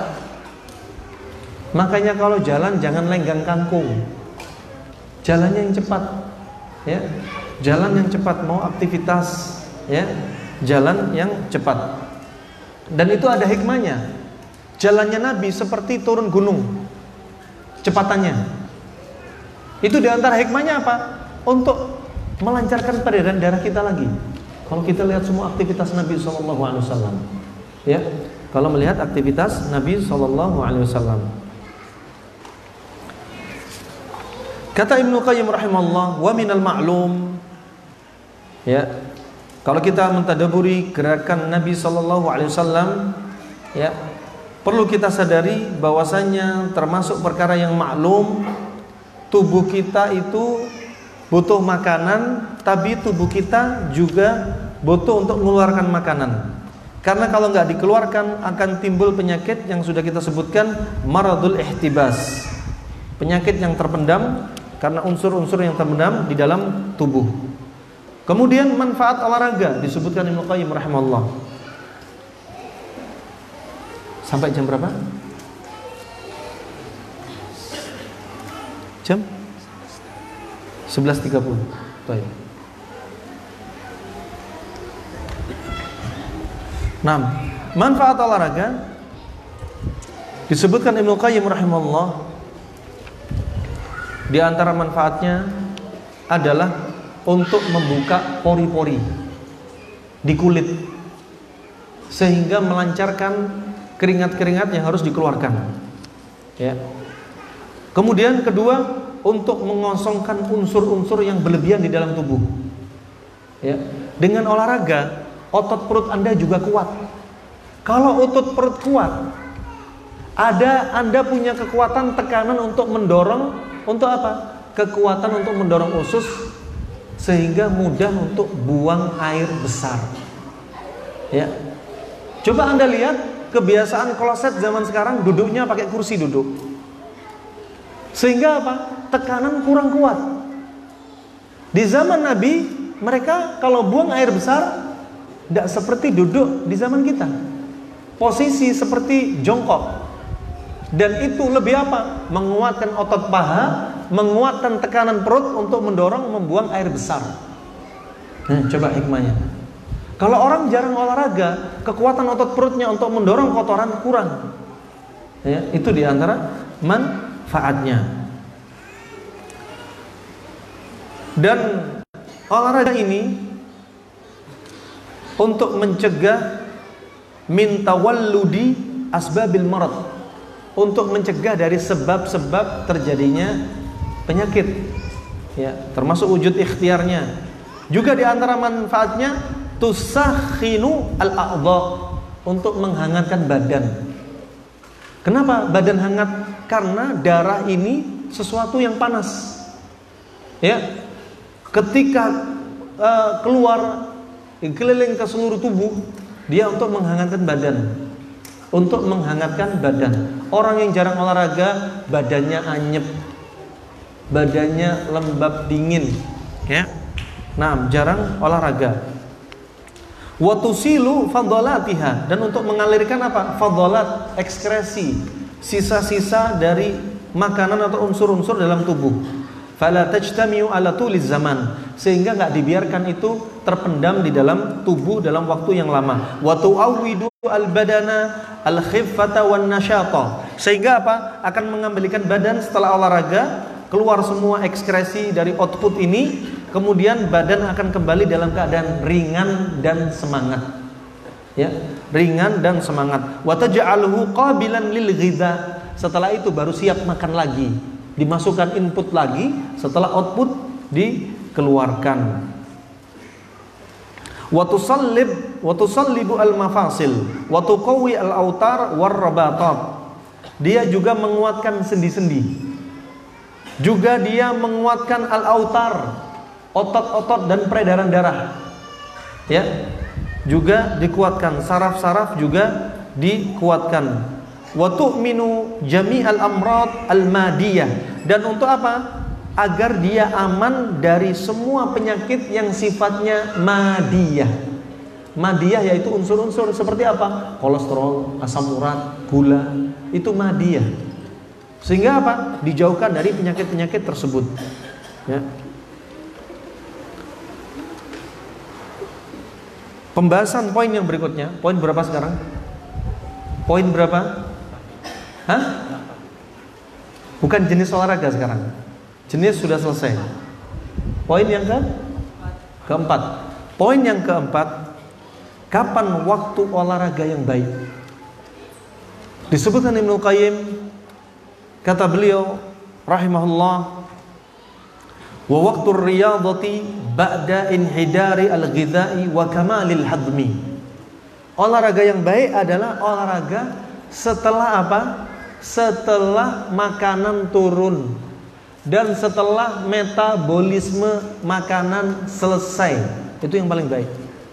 Kalau Anda makanan penuh di perut, Anda olahraga, Mungkin bisa timbul mual, mungkin Anda bisa pingsan, mungkin Anda bisa keringat dingin. Kenapa demikian? Karena pembuluh darah sedang konsentrasi ke organ pencernaan. Kemudian Anda olahraga sehingga yang tadinya konsentrasi ke makanan akhirnya tidak konsentrasi ke mana-mana. Akhirnya apa? Metabolisme belum rampung padahal butuh darah untuk membantu membakar ya, untuk membantu memberikan tenaga ternyata disebarkan ke seluruh tubuh. Akhirnya apa yang terjadi? Ya, pencernaan nggak sempurna. Ya, kalau anda makan pagi, kan kita katakan paling bagus makan pagi yang apa? Buah dan manis. Ya, yang manis-manis. Ya, namanya buah hanya di metabolisme 10 menit. Setelah 10 menit silakan anda olahraga tapi kalau Anda makan pagi, sudah konro, sudah sop saudara, sudah eh, palu marah atau palu mira, palu murah, apa dah terserah. Setelah makan berat, berarti apa? Butuh 4 jam untuk di metabolisme. Jadi Anda nggak boleh langsung olahraga, nggak bagus. Bukan makro, bukan haram, tapi nggak direkomendasikan. 4 jam kemudian Anda makan jam 6 4 jam kemudian berarti jam berapa? Jam 10, jam 10 sudah nggak bagus olahraga Cahaya matahari ultraviolet di atas jam 9 sudah membahayakan kulit kita ya. Makanya paling bagus makan buah 10 menit kemudian silahkan olahraga ya. Kalau Anda makan siang Makan berat Makan siang setengah satu Empat jam kemudian berarti jam berapa? Hah? Setengah lima. Berarti setengah lima Anda olahraga. Nggak mengapa. Olahraga sore hari. Ya. Yang nggak bagus olahraga di malam hari. Ya. Olahraga di malam hari di dunia luar. Kalau di dalam kamar nggak apa-apa. Ya. Olahraga di dalam kamar ibadah. Itu juga seperti membakar kalori dua kali Anda mengitari lapangan sepak bola kalori yang terbakar. Sehat. Makanya orang yang melakukan aktivitas malam hari, olahraga malam hari bersama istrinya, sempekan tiga kali itu bisa mengurangi faktor resiko jantung. Makanya sering dipakai. Ya. Itu halal ibadah. Wa fi buti ahadikum sadaqah. Bahkan sedekah untuk banyak-banyak sedekah. Ya. Jangan apa? Di buang manfaatnya. Ya istri antum keburu tua. Ya, dimanfaatkan momen ya. Nah semakin anda sering semua ada pada takarannya. Ada padanya umurnya. Ketika masih umur 20 sampai 30 tahun bisa setiap hari. Ketika umur 30 tahun sampai 40 tahun mulai berkurang. Dalam sepekan bisa empat kali. Ketika umur 40 tahun sampai umur 50 tahun sudah mulai berkurang lagi Ya, ketika umur tapi beda kalau puber kedua ya, bisa naik lagi seperti puber pertama. Kita punya teman ya. Akhirnya bapaknya subhanallah nikah lagi dengan wanita umur 24 tahun. Jalannya sudah gini. Nah, ini kenyataan para hadirin. Ya, itu memberikan semangat. Pernah di Malaysia diajarkan uji coba. Dua sarang. Ya, tempat sarang tikus putih. Tikus putih dikasih sat kandang yang pertama pejantannya tua, betinanya muda. Yang kandang kedua betinanya tua, yang jantannya muda setelah diamati satu bulan kandang pertama yang pejantannya tua yang betinanya muda jalannya kenceng. Gairah hidupnya kuat. Semangatnya hidup lagi. Kadang penting kayak gitu. Yang kedua ini jantannya muda dikasih betina tua. Jalannya loyo nggak punya gairah hidup. Ah, itu memang psikolog hewan aja bisa kayak gitu. Apalagi manusia punya akal, punya nafsu, ya wajar para hadirin. Ya makanya ada poligami, nggak ada poliandri. Ya ada poligami, nggak ada poliandri. Karena apa? Kalau laki-laki bisa pindah hati banyak, tapi kalau wanita nggak bisa pindah ke lain hati. Ya, suaminya hanya satu.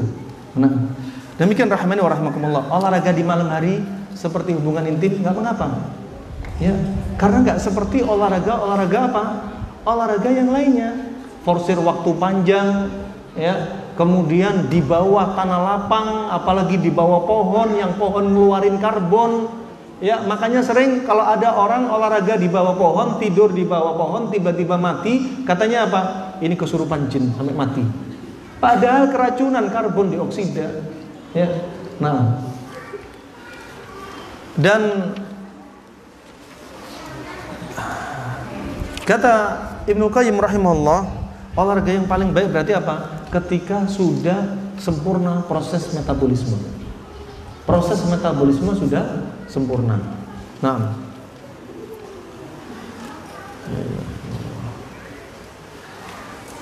Kemudian poin yang berikutnya. Poin yang kelima.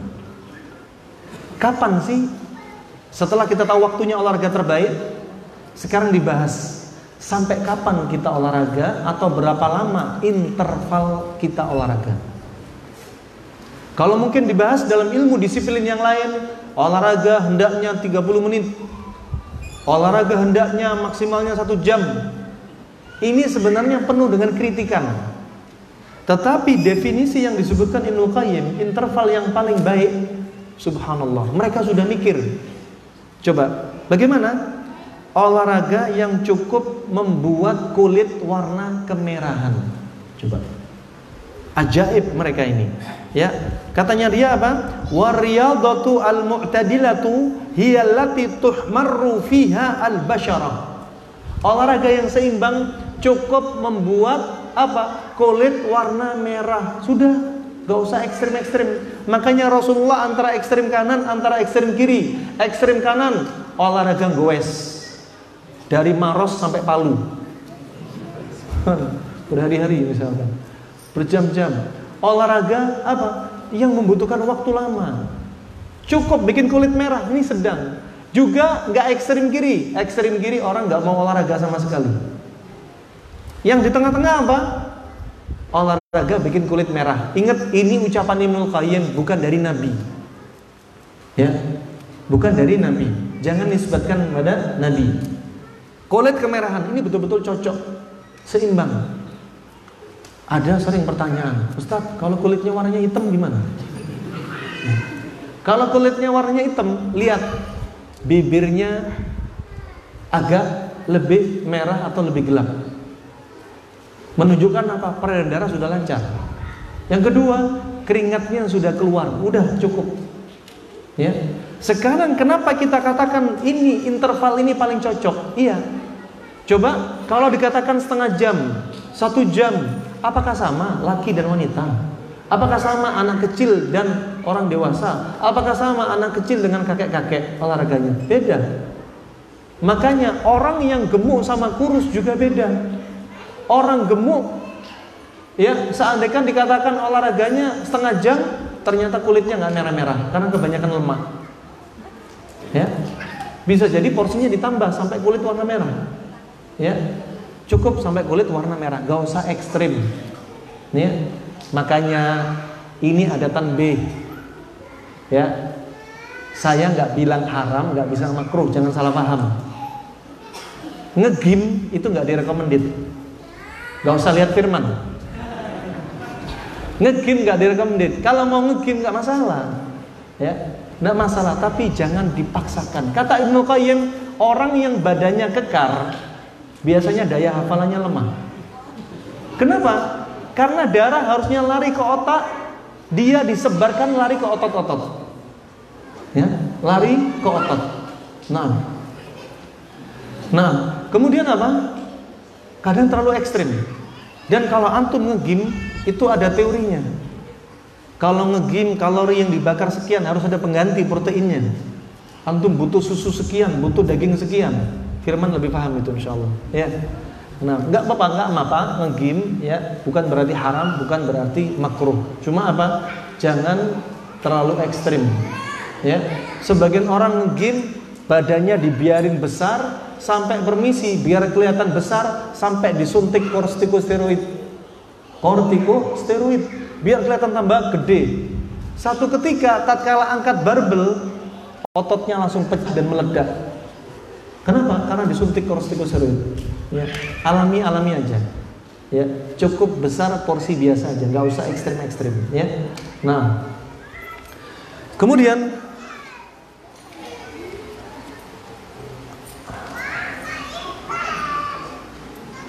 olahraga disebutkan Ibnu Qayyim pula wa ammal lati yulzimuha sailanul araq famufritatun. Olahraga macam apa pun yang memaksakan keringat itu dipaksa keluar maka ini apa? Gulu. Gulu berlebihan. Ya. Makanya jangan dipaksa keringat itu keluar. Di antaranya contoh. Sekali lagi bukan haram bukan makruh tapi membahayakan kalau jadi rutinitas. Memaksakan keringat keluar dengan masuk apa? Kamar mandi sauna. Hanya pakai anduk masuk ruangan keluar uap panas kemudian apa? Keringat keluar. Ini malah nggak direkomendit menurut Ibnu Qayyim. Teori seperti ini. Kenapa?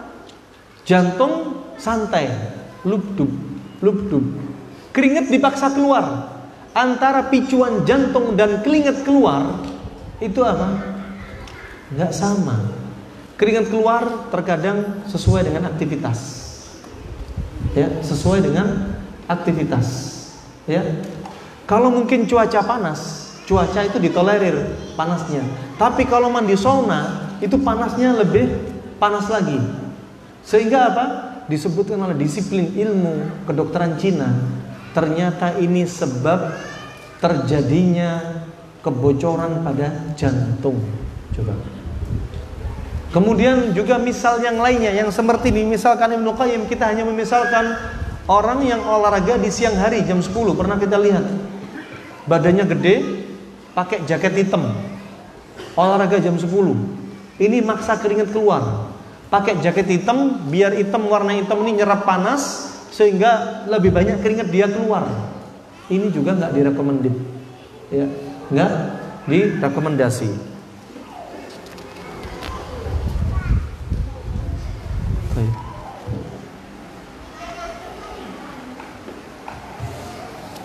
Kemudian disebutkan Ibnu Qayyim yang berikutnya setiap organ itu olahraganya masing-masing. Olahraganya otak itu dengan banyak berpikir. Olahraganya otak juga banyak hafalan murojaah. Itu olahraganya otak biar otak tetap terjaga gak cepet pikun. Ya. Orang wanita-wanita Yahudi ya sampai zaman sekarang kalau mereka sedang hamil dari usia 4 bulan wanita dilarang rokok dilarang minum alkohol wanita ada sekolahannya wanita hamil untuk ujian matematika dan ujian yang lainnya Biar apa? Otaknya ibu biar ngefek ke janin coba. Umur 4 bulan dikasih cahaya senter biar mata sudah mulai terangsang untuk melihat. Di Jepang juga dilakukan demikian. Dari 50 penelitian pada ibu hamil, anak yang janin masih di perut ibu hamil diperdengarkan musik dan dikasih senter 49 anak yang lahir rata-rata cerdas. Satu aja yang biasa-biasa saja. Adapun di negeri kita di Indonesia, ya, ibu hamil mempraktekkan apa? ketika usia kehamilan 4 bulan sudah memperdengarkan murotal. Jangan musik, pakai murotal. Ya. Kemudian pakai cahaya senter. Ketika sudah lahir, anak umur 2 tahun, anak ini mudah sekali menghafal Al-Quran. Makhraj hurufnya sudah pas, bukan asing bagi telinga dia. Ternyata kata ibunya, rutin diperdengarkan murotal. Subhanallah. Karena apa? Sudah ada ruh telinga sudah mendengar, mata sudah mulai bereaksi melihat cahaya-cahaya di luar perut ibu. Nah, itu ya dari apa otak. Ternyata sudah apa e, olahraganya ya terkait dengan otak. Kemudian melihat kata Ibnu Qayyim olahraganya apa? Membiasakan melihat sesuatu yang kecil untuk konsentrasi pada sesuatu yang kecil. Ya. Kemudian telinga, pendengaran, olahraganya dengan apa? biasa mendengarkan suara-suara yang kecil suaranya. Untuk apa? Lebih teliti. Ya. Adapun orang-orang yang biasa kerja di tempat yang bising, dia telinganya sudah enggak sensi lagi. Ya. Kemudian olahraganya paru-paru kata Ibnu Qayyim dengan apa? Dengan membaca Al-Qur'an. Tapi apa? Yang tahu aturannya. Enggak ketika wakaf diterjang begitu saja. Ya tahu cara baca Al-Quran Kapan nafas Kapan berhenti Tarik nafas lagi Buang nafas Ya Nah Kemudian uh, Yang lebih penting daripada itu Kata Ibnu Qayyim rahimahullah Adalah Olahraga jiwa. Ini paling penting. Olahraga jiwa apa? Sabar dalam menuntut ilmu Kata Ibnu Qayyim. Ya kemudian rasa cinta dan rasa benci karena Allah, tawakal, niat, berusaha membersihkan niat, tazkiyatun nufus. Makanya letaknya niat di mana? Di hati. Niat termasuk amalan apa? Amalan hati. Makanya kalau sholat jangan mengeraskan niat. Karena niat amalan hati. Sholat duhur nawaitu usalli salatul durhi arba'a raka'atan ikhlasan lillahi ta'ala Allahu Akbar ikhlas ngomong-ngomong ya ria anda nanti makanya niat dalam hati jangan ditampakkan kata Syekh Saleh Fauzan dalam syarahnya Al-Arabin An-Nawawiyah dia sudah terjatuh dalam kesyirikan tatkala melafatkan niat sholat dia ya tatkala melafatkan niat sholat dia ya sudah menyelisih sunnah, terjatuh dalam kesyirikan, syirik kecil lagi, ya, dinasehatin marah. Ya. Nah, kemudian rahimani rahimakumullah inilah amalan-amalan hati yang berat, tawakal kepada Allah, ya, roja, amalan-amalan hati. Ini penting, lebih penting dari amalan fisik, ya. Berapa banyak orang yang badannya kekar tapi dia hatinya paling nggak sabar Makanya Nabi bersabda apa? Laisa syadid bisra'ah walakin syadid liman yamlik nafsahu lil ghadab. Orang yang pemberani, orang yang pejantan, orang yang kokoh itu bukan orang yang mengalahkan lawannya, menjatuhkan lawannya, tapi apa? Orang yang bisa menahan dirinya dari amarah. Ya. Orang kurus tapi kalau ada dirangsang untuk dia bikin marah, dia sabar. Dicela, dimaki, dia sabar. Orang yang badannya kekar, didolimi. Wah, berani ya sama saya ya. Ya, nah. Tapi kalau orang badannya gede tapi sabar, enggak apa-apa. Al mukmin qawi khairu wa habbu ilallah min al mu'min al dhaif. Ya. Nah. Kemudian rahimani rahimakumullah. Masuk poin yang berikutnya. Olahraga yang terkumpul padanya olahraga fisik dan olahraga jiwa. Apa kira-kira? Apa kira-kira? Hah? Sholat. Fisik dan jiwa sekaligus. Ya, ketika olahraga fisik, coba. Ketika berdiri Allahu Akbar. Allahu Akbar ini cuma sejajar telinga dalam hadis cuma dua. Sejajar telinga ya. Yuhadha baina syahmi udunai atau bahunya. Sini atau sini? Jangan Allahu Akbar Atau Allahu Akbar. Atau taruh sini Allahu Akbar. Atau ada yang bilang, oh jantung di sini. Oh hati itu liver. Bingung dia. Ya. Alhasil, ya mau dini, mau gini, mau gini silahkan. Ini dua gerakan. Ini para hadirin tatkala kita Allahu Akbar, ini kita sedang membuka dada kita. Ini hikmah saja ya. Tapi kita melakukan gerakan itu murni karena apa? Ajaran dari Rasulullah. Adapun hikmah kita ingin bahas. Apa hikmahnya di antaranya? Allahu Akbar. Dada kita dibentangkan. Yang tadinya kita aktivitas sering begini, ini nutup. Ini sama dengan teori berpasangan. Kalau dibuka, ditutup. Kalau ada tegang dikendorin, kalau ada kendor dikencengin, kalau ada panas ada dingin, kalau ada gelap ada terang, ada lembab ada kering, ada surga ada neraka, ada tobat ada maksiat, berpasang-pasangan. Lah ini kita biasanya aktivitas sering gini. Ketika kita sholat dibuka dada, tulang punggung yang tadinya nengkok kebuka. Subhanallah. Ketika ruku bagaimana? Orang yang sarafnya kejepit dibikin ruku, makanya rukunya betul-betul lurus. Letakkan sendi pada tempatnya ketika rokok, ketika sujud.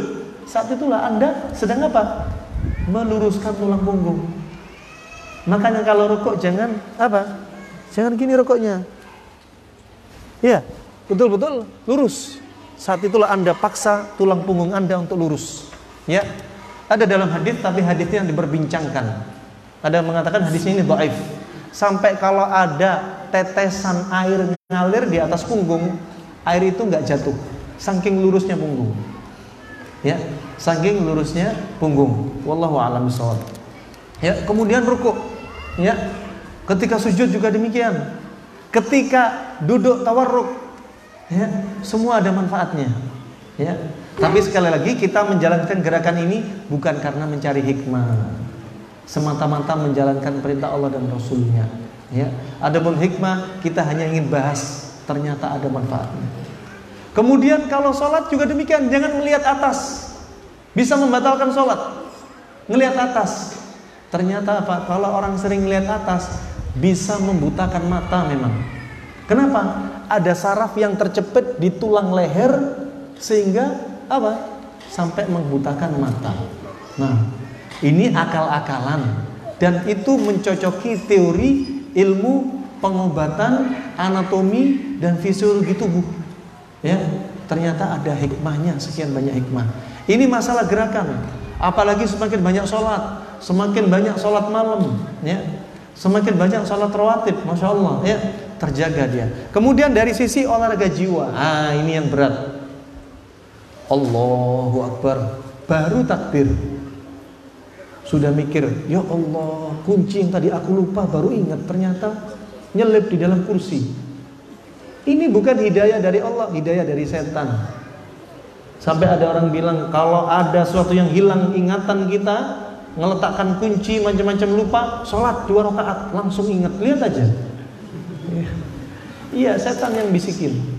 Ya, setan. Coba kalau ketika sedang azan berkumandang setan lari terbirit-birit sampai kentut yang keras biar nggak dengar suara azan. Lari ke mana ke comberan ke toilet ya ke WC ke tempat-tempat yang jorok. Ini setan ya. Ketika ada hamba Allah sedang sholat rawatib Allahu Akbar datang setan goda orang sholat rawatib ketika ditegakkan ikomat lari lagi kentut lagi setan nih. Ketika sholat fardu balik lagi setan ya. Dan setan itu apa? Kadubab seperti lalat. Idza dubba fa'ab. Lalat itu kalau diusir balik lagi.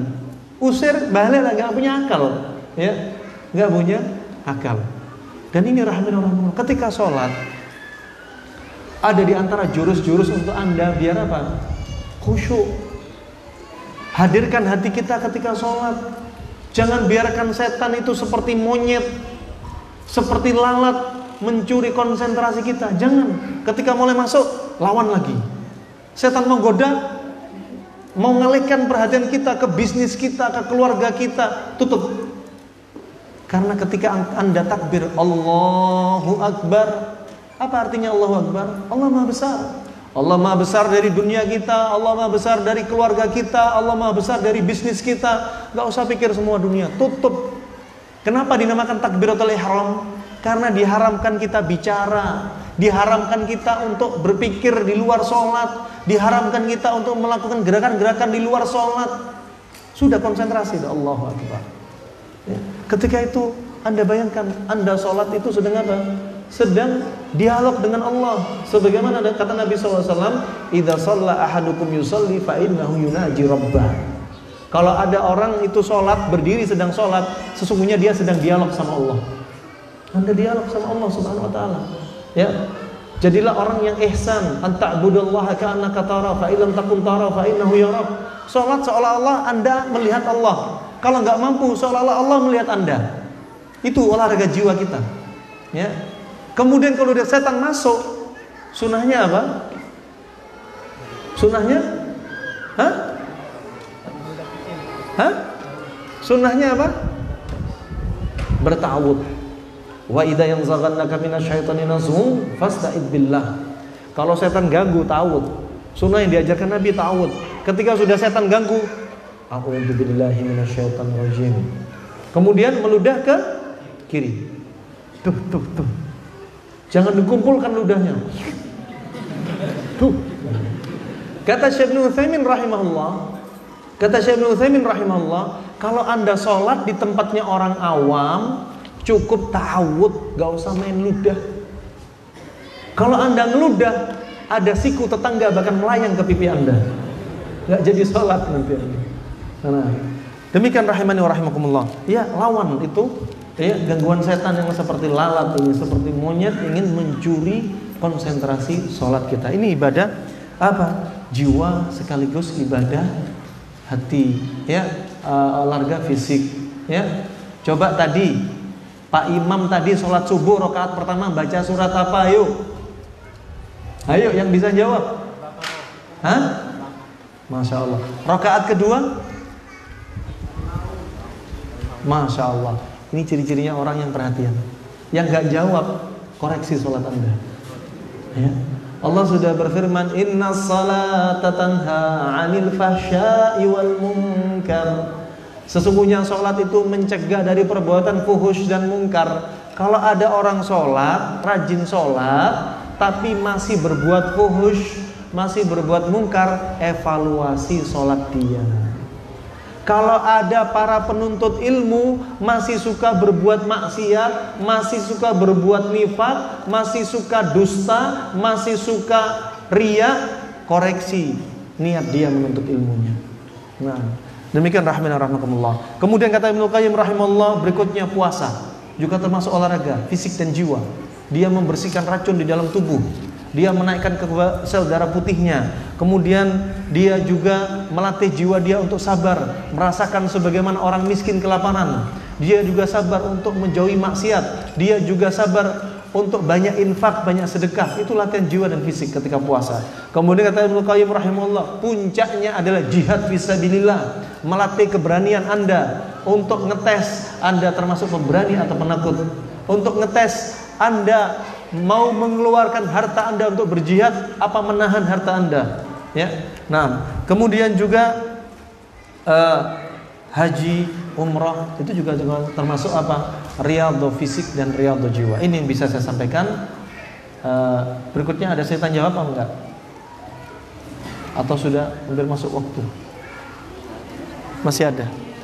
Tafadhol. Kalau ada akhwat ummahat yang tanya Silakan lewat kertas, kalau Bapak langsung aja.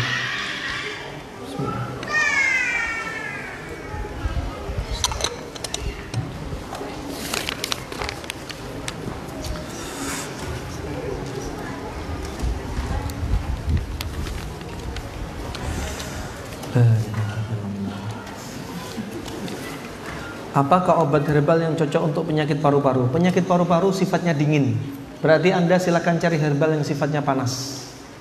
Seperti jinten hitam, habatus sauda dan yang semisal yang panas-panas. Konsumsi jahe ya, yang panas-panas. Olahraga yang cocok untuk penderita paru.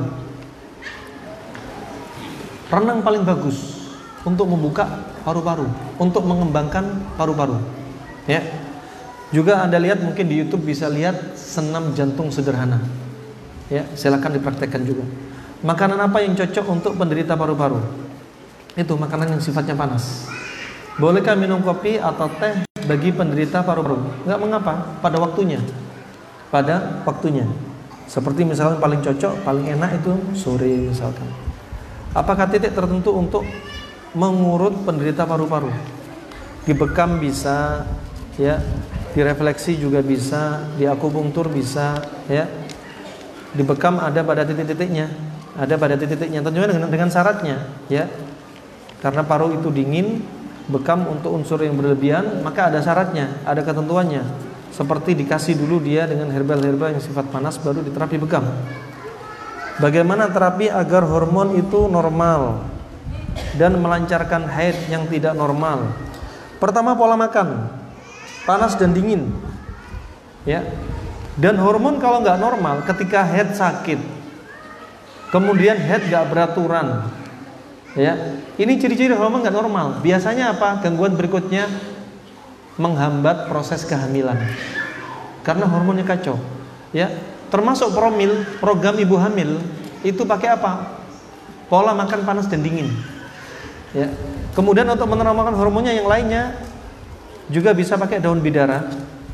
Daun bidara satu genggam direbus dari tiga gelas menjadi dua gelas minum pagi minum malam ya minum pagi minum malam pakai kurma juga bisa tapi kurmanya kurma mentah kurma ada enam tahapan al al tala wal khulal wal balah wal busr wal rutab wal tamar. Tiga tahapan pertama ini semuanya warnanya hijau semua. Ini sifatnya dingin, cocok untuk kasus mandul. Ya, cocok untuk kasus hormon yang kacau. Adapun buser, buser, rutab, tamar itu sifatnya panas. Ya, maka yang untuk promil adalah yang kurma yang warna hijau. Kalau di Makkah Madinah dijual kurma warna hijau sudah dikeringkan. Ada. Kalau hijau mentah di Indonesia sudah didapat. Kalaupun dimakan rasanya mentah, apa uh, apa pahit-pahit karena mentah. Tapi kalau sudah dikeringkan nggak mengapa. Antum mungkin bisa nitip orang yang umroh, titip kurma tolak hulal balah.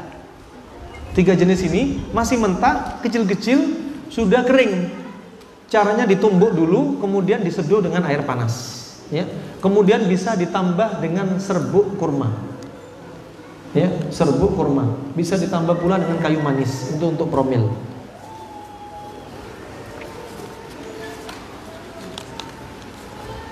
Bismillah Ustaz, jika buang air besar 4 sampai 5 kali dalam sehari, apakah ini ciri-ciri pencernaan bermasalah? Iya, bermasalah. Buang air besar normalnya itu satu kali sampai dua kali. Ya. Kemudian kalau empat hari nggak bisa buang air besar, ini berarti sudah apa? Konstipasi. Gangguan juga. Terlalu banyak gangguan, terlalu lama nggak buang-buang juga gangguan. Kemudian apa olahraga untuk asma dan bagaimana pengobatannya? Paling bagus seperti renang itu paling cocok untuk asma. Kenapa? Menggerakkan tulang belakang. Asma itu nggak semuanya karena bakteri, nggak semuanya karena keturunan.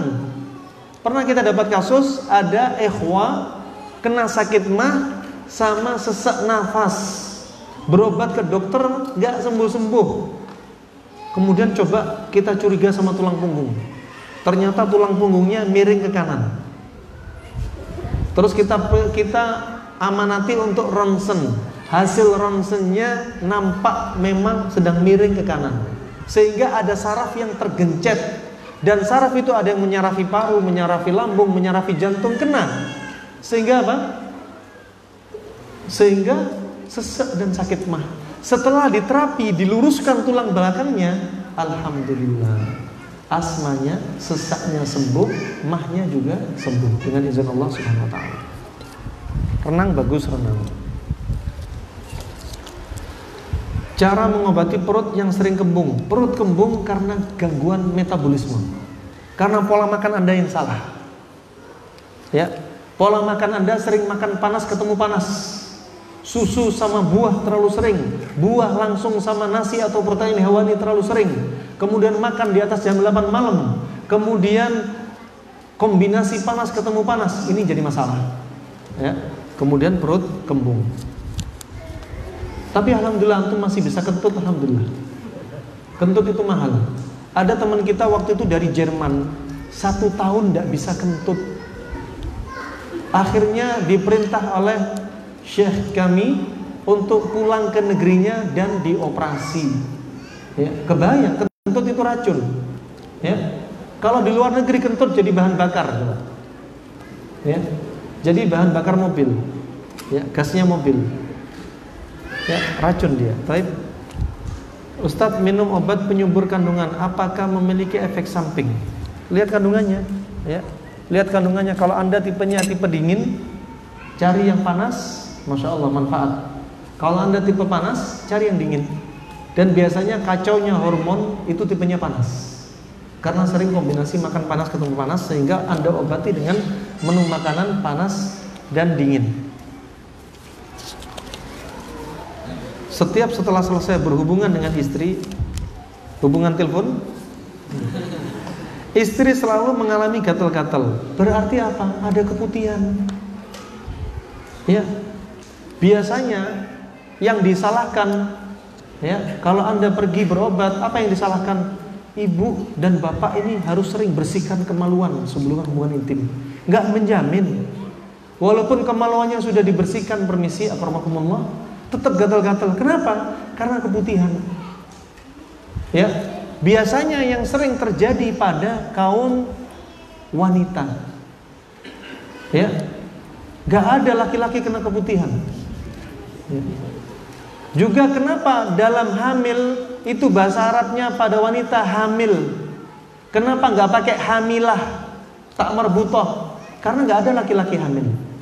Ya, makanya hamil. Ya, Wanita ini kalau lembab sering konsumsi panas ketemu panas hingga permisi alat vital pun jadi lembab dan jadinya keputihan. Jamur jadi seneng. Ya, jamur jadi seneng. Oleh karena apa? Terapi keputihan yang pertama kali tidak apa-apa Anda mengambil sebab seperti pakai daun sirih direbus. Setelah daun sirih direbus, ya sekitar satu liter disiramkan ke ember yang besar ya kemudian disiramkan air itu ke ember besar ibu-ibu berendam sehari sekali ya sampai sembuh setelah itu apa anda perbaiki pola makan anda. Panas dingin panas dingin. Ya. Nah. Bisa juga laki-laki kadang ada infeksi. Ya. Kencingnya bermasalah, infeksi saluran kemih, terus nggak menjaga kebersihannya, juga bisa nular kepada ibu-ibu. Ya. Terapi bagi anak yang belum bisa bicara. Lihat, belum bicaranya kenapa? Bisa ada anak umur satu tahun, dua tahun belum bisa bicara. Kenapa? Karena proses tumbuh kembang di otak bagian broka itu terlambat. Kadang dia gesit motoriknya cepat tapi bicaranya lambat. Tapi ada saatnya dia akan membaik. Terapinya apa? Ajak dia berenang. Walaupun satu tahun, walaupun dua tahun, diajari berenang. Kenapa? Untuk melancarkan tulang punggung, untuk melancarkan peredaran darah ke otak. Ya, atau terapi dari saudara-saudara kita sekarang yang lagi viral bisa pakai terapi bedong. Ya, Anak anda misalkan satu tahun dua tahun nggak bisa bicara, dibedong, ya, diletakkan tangannya di bawah, lehernya ditekuk, dibedong dengan kenceng, dia nangis, ngejan-ngejan nggak apa-apa, biarin sampai 10 menit, 15 menit. Saat itulah ketika dia ngejan, tulang-tulang punggung diluruskan dan peredaran darah lebih lancar sehingga kotak dipicu. Itu setiap hari dilakukan. Bedong termasuk terapi akhir zaman juga. Ternyata teknologi bedong kakek moyang kita punya banyak manfaat. Orang asma, anak kecil asma sesek juga bisa pakai bedong. Orang autis juga bisa pakai bedong. Ya. Ibu hamil memerlukan badan yang fit dan sehat untuk persiapan melahirkan. Betul. Mohon saran jenis olahraga yang aman dan efektif untuk ibu hamil. Di situ ada istri saya yang hamil, ya. Ibu-ibu yang hamil silakan tanya kepada istri istri saya, ya silakan diajari senamnya namanya senam Maryam.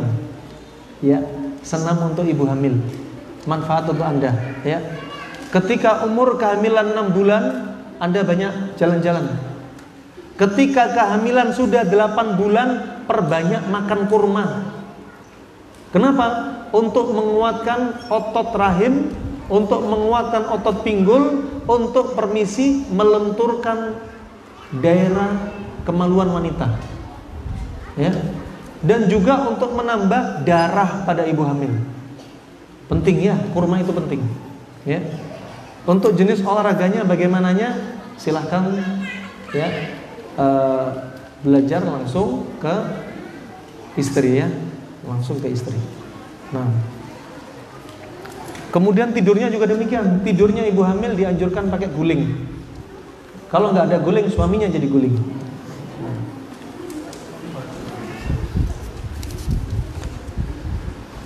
Apa olahraga dan obat bagi wanita yang sakit migrain ketika ketika sedang head atau ketika hilang head, jelang head atau sedang head? Ya. Ini bisa jadi karena hormon. Bisa jadi karena hormon. Berarti apa? Kembali lagi kembali kepada pola makan. Anda hindarkan semua makanan, minuman dan instan. Anda hindarkan minuman dingin. Tadi malam sudah kemarin sudah dibahas tentang migrain. Ya, atau tadi ya, tadi pagi.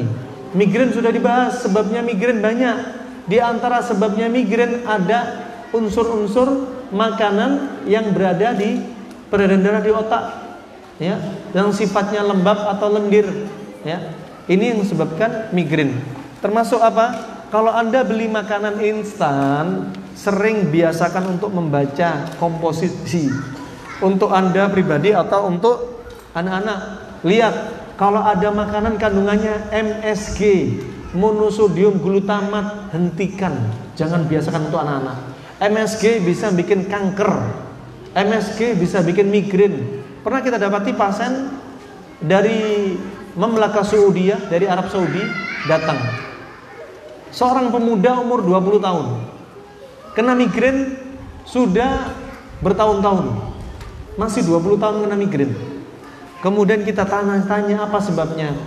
Kamu sering makan Indomie nggak? Wah, kalau Indomie satu kamar saya numpuk berapa kerdus katanya. Ya sudah, obatnya berarti hentikan, kemudian dibekam titik-titik migrain. Ya. Sekitar 6 titik. Ya, dari kepala sampai punggung. Alhamdulillah hanya sekali bekam dikasih satu jenis herbal saja dan hentikan pantangannya alhamdulillah dengan izin Allah sembuh. Ya. Anda jauhkan minuman dingin, minuman instan atau makanan instan, kemudian kembali ke pola panas dan dingin.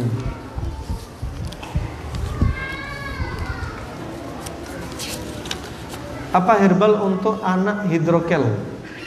Cairan pada biji saraf dan herbal usus turun. Usus turun bisa pakai terapi yang kita lakukan tadi pagi ya, di Masjid Miftahul Jannah ya. Nah, Mungkin tanya kepada teman-teman yang sudah diterapi tadi pagi. Kemudian untuk hidrokel, hidrokel juga bisa seperti terapi tadi pagi. Ya, kalau bisa kita langsung recommended langsung ke ahlinya saja. Ya, karena kalau salah gerakan bahaya. Bagaimana dengan amandel? Amandel sama sekali jangan pernah terpikir untuk dioperasi amandel bengkak itu sebenarnya adalah proses kekebalan tubuh. Kalau ada anak makan makanan yang nggak baik, amandel melakukan pertahanan tubuh dengan apa? Dia bengkak untuk ngeluarin apa? Antibakterinya. Makanya kalau Anda sudah operasi, berarti pertahanan di leher pada anak Anda sudah berkurang. Kalau ada bakteri langsung masuk. Sama polip di hidung juga demikian, pertahanan. Kalau ada bakteri virus masuk, dia bengkak. Itu pertahanan, makanya jangan dioperasi. Ya, caranya bagaimana? Ya diterapi. Bisa dengan herbal, bisa dengan bekam, bisa dengan gerakan-gerakan untuk melancarkan peredaran darah. Nah, Afan Ustadz saya seorang akhwat yang sangat sering mengalami kesedihan. Ketika ada masalah kecil saya mudah marah. Namun ketika di rumah tertekan, galau, gunda gulana, tak jarang saya tiba-tiba saja nangis dan sulit untuk menahan tangisan tersebut. Hal ini sudah lama saya alami sejak masih sekolah. Atau tatkala saya duduk-duduk merenung tiba-tiba saja air mata keluar. Kadang bingung sendiri. Kurang tahu apakah karakter saya memang cengeng atau sedikit lebay, juga perasaan yang sering berubah. Coba Anda rukyah diri Anda sendiri. Itu pertama. Dirukyah. Ya, sebagian teman kita untuk melihat diri kita ada jinnya apa tidak, mereka menggunakan cara apa? Satu majelis selesaikan baca surat Al-Baqarah. Dari awal sampai terakhir, selesaikan. Maksudnya satu majelis apa? Jangan sampai Anda pingin kencing, jangan per, jangan sampai Anda ada aktivitas lain. Artinya apa? Antum betul-betul konsentrasi sediakan waktu dua jam hanya membaca surat Al-Baqarah. Kalau sudah baca, mata ngantuk, menguap mata mulai kabur, badan mulai panas, mulai mual-mual, saat itulah Anda ada penghuninya. Ya. Kemudian apa? Cara yang kedua, sering konsumsi talbinah. Sebagaimana hadis riwayat Imam Muslim, at-talbinatu mujammatun lil fuadi tudhibu li ba'dil huzni. Talbinah yaitu gandum diletakkan di atas panci, dikasih air dikit, diaduk-aduk sampai jadi bubur, apinya dimatikan, tambah madu, dikonsumsi tiap hari. Itu untuk apa? Membuat hati yang sedih jadi riang gembira. Rasa sedih hilang. Nah, kemudian apa? Cari teman yang bisa menghibur diri Anda. Ya, cari teman yang menyenangkan. Jangan cari teman yang bikin Anda susah. Ya, Cari teman yang selalu membuat Anda tersenyum. Ya. Nah, itu ya. Adapun statusnya kalau Anda belum menikah, cari pasangan. Ya. Kalau Anda sudah menikah, masih sedih, berarti suami dan istri perlu diterapi. Ya. Berarti keluarga kurang bahagia. Perlu diterapi. Anda hidup dalam satu rumah, satu atap, ya. Padahal Allah sudah berfirman Apa disebutkan kita nikah tujuannya apa? Litas kunu ilaiha. Agar kita hidup satu rumah, satu atap, kita saling mencinta. Allah nggak sebutkan litas kunu ma'aha. Seandainya Allah sebutkan litas kunu ma'aha, artinya apa? Hidup satu atap, satu rumah, walaupun tanpa rasa cinta. Tapi Allah sebutkan litas kunu ilaiha. Itu ya perlu diperhatikan. Nah, cari teman curhat yang curhatnya Anda bisa menyelesaikan masalah. Ya, tidak apa-apa untuk menghibur. Tapi hakikatnya curhat hanya kepada Allah semata. Kemudian saya memiliki seorang saudara orang Makassar pakai H belakangnya. Yang kebiasaannya sering keluar masuk WC. Dalam sehari kemungkinan ia 8 kali ke WC. Kebiasaan ini sudah ia alami sejak masa sekolah dan kondisi fisiknya yang kurus. Kemungkinan ginjal dia lemah. Ginjalnya dia lemah, sulit tidur. Ini ciri-ciri ginjal lemah.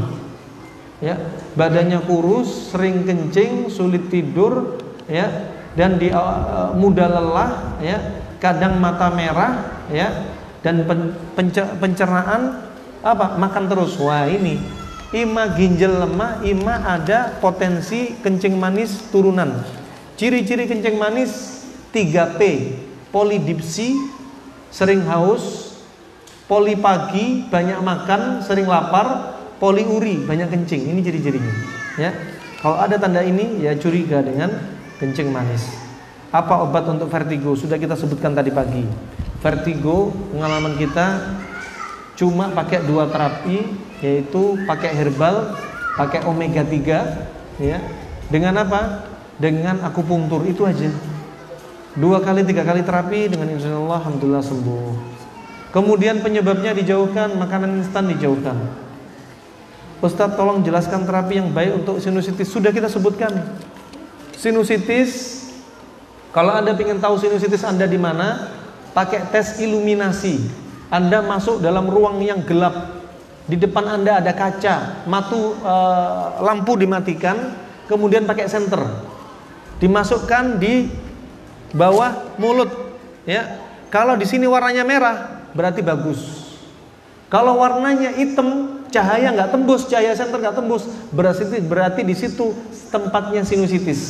Apa sih sinusitis? Sinusitis penyebabnya antum sering pilek, dihisep, akhirnya masuk ke sinus, jadi nanah. Ya. Sinus ada lima, sinus itu lubang tengkorak wajah ada lima. Ya. Caranya apa? Pengalaman kita dari tahun 2000 dengan cara apa? Daun sirih satu genggam dicuci, kemudian direbus di panci dengan air setengah liter.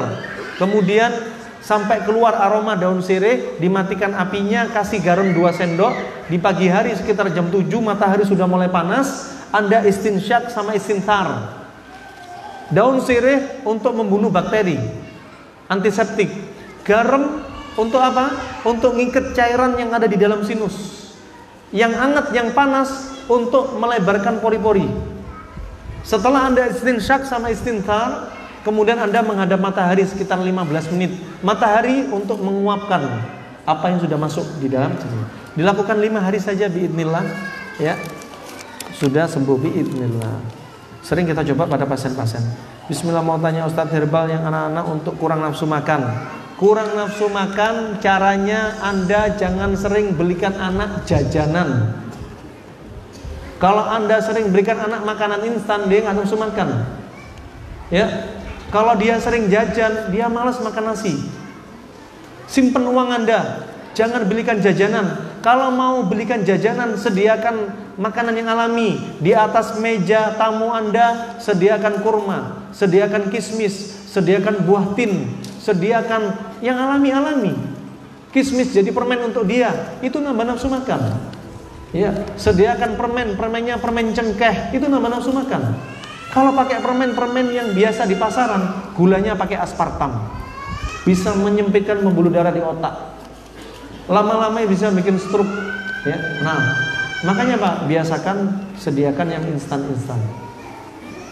Kalau anak nggak nafsu makan dia makannya hanya pengen satu jenis ikuti aja satu jenis itu. Jangan dipaksa makan yang dia selera aja diikuti. Saatnya yang dia begitu selera ada saatnya bosan ada saatnya dia pindah ke selera yang lainnya. Ya. Kemudian juga gadget gadget dikurangi ya. Dikasih jadwal gadget. Jangan setiap hari lihat gadget. Ngurangi nafsu makan. Ya. Setan gepeng ini ngurangi nafsu makan berapa banyak saya dapati anak umur 12 tahun 14 tahun bapaknya datang ke rumah Ustadz anak saya ini ngelawan disuruh sholat nggak pernah mau Ustadz anak saya ini setiap malam melihat seperti kepala seperti api terbang sendiri seperti ngelihat nenek-nenek rambut panjang, seperti lihat anak-anak kecil jalan, ya. Oh, Bu, Pak, saya tanya satu pertanyaan aja. Apakah anak bapak, anak ibu sering lihat HP dari isya sampai subuh? Ya sudah. Itu sebab saya tanya masuk itu. Jauh dari zikir Allah. Hati-hati anak kecil karena HP bisa kesurupan, emosinya labil, ya. Ginjal lemah apa terapinya? Cari ginjal lemah berarti dia dingin. Cari yang panas-panas. Ada herbal isinya cabai jawa, merica, itu panas. Kemudian apa? Jahe, itu panas. Ya, cari yang panas-panas. Propolis juga panas, menguatkan ginjal. Kalau ginjal lemah, jangan banyak makan semangka, jangan banyak makan timun, jangan banyak makan yang dingin-dingin. Bismillah Ustaz, adakah olahraga yang cocok untuk penderita rematik artritis dan bagaimana terapinya? Terapi untuk rematik artritis dia sifatnya dingin, cari herbal yang sifatnya panas. Ya. Kemudian apa? Anda loncat-loncat. Orang rematik jangan dimanjakan. Aduh kakiku sakit. Kalau nggak dibikin gerak, lama-lama radangnya tambah tebel, tambah kaku, sulit digerakkan. Makanya apa? Tambah bikin loncat seperti firman Allah apa? Urkut birijlik hada muktasalun baridu wa syarab. Hentakkan kaki kamu ke bumi itu di antara terapi rematik juga. Hentakkan, loncat-loncat, ingkil-ingkil, ya, main sama anaknya, apa? Loncat-loncat, ya. Nah, tidak mengapa. Itu terapinya. Ya, ada sebagian orang kena asam urat, kena rematik, harus disuntik lututnya dengan stem cell. Sekali suntik 102 juta. Disuntik selama satu tahun, berarti berapa? Satu bulannya satu kali suntik. Sekali suntik berapa? 102 juta. Dikali satu tahun berarti berapa? Sudah satu M lebih. Itu pun nggak sembuh-sembuh. Ternyata pakai engklek-engklek loncat-loncat sembuh dengan izin Allah. Ya. ajaib ya. Karena kami telah berusaha berobat namun belum menemukan solusi. Nanti semoga. Ini laki atau perempuan yang tanya ini? Cewek apa cowok? Akhwat ikhwan yang tanya ini? Rematik? Berarti ibu-ibu. Ya. Ibu-ibu. Ibu-ibu nanti engklek aja engklek kemudian cari herbal yang sifatnya panas ya Nanti kalau suaminya tadi ikut terapi di pagi hari di Masjid Miftahul Jannah, suaminya nanti coba ajari ke ibu-ibu yang sakit. Ustadz, eh, untuk menyenangkan istri, saya suka olahraga sit up dan push up dan dibarengi dengan jogging dan bersepeda. Ya, nggak apa-apa, bagus. Makanan dan buah apa yang baik untuk saya Ustadz supaya kondisi apa ini? Kondisi fit ya, siap tetap fit dalam melayani istri dan lebih sehat dalam beribadah. Nah apakah olahraga saya ini tidak berlebihan? Enggak enggak apa-apa. Olahraga sit up dan push up saya lakukan di rumah enggak apa-apa.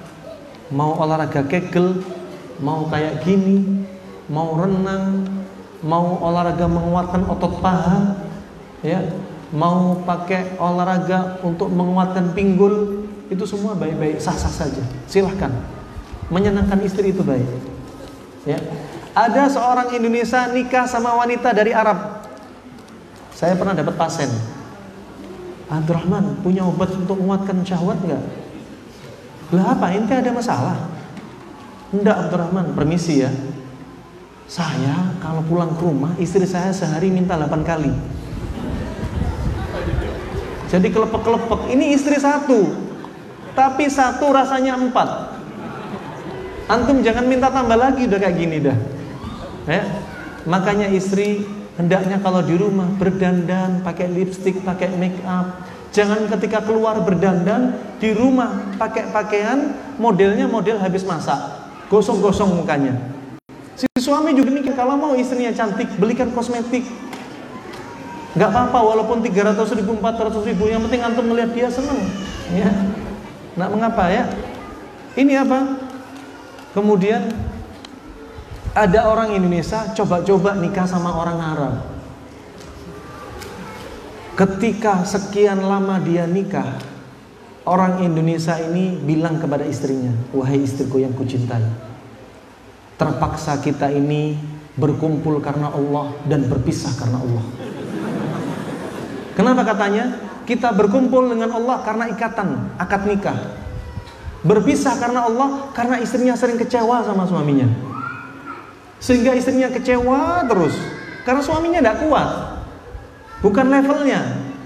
Makanya katanya Syekh Albani, nikah yang paling baik adalah nikah dengan wanita dari negerinya.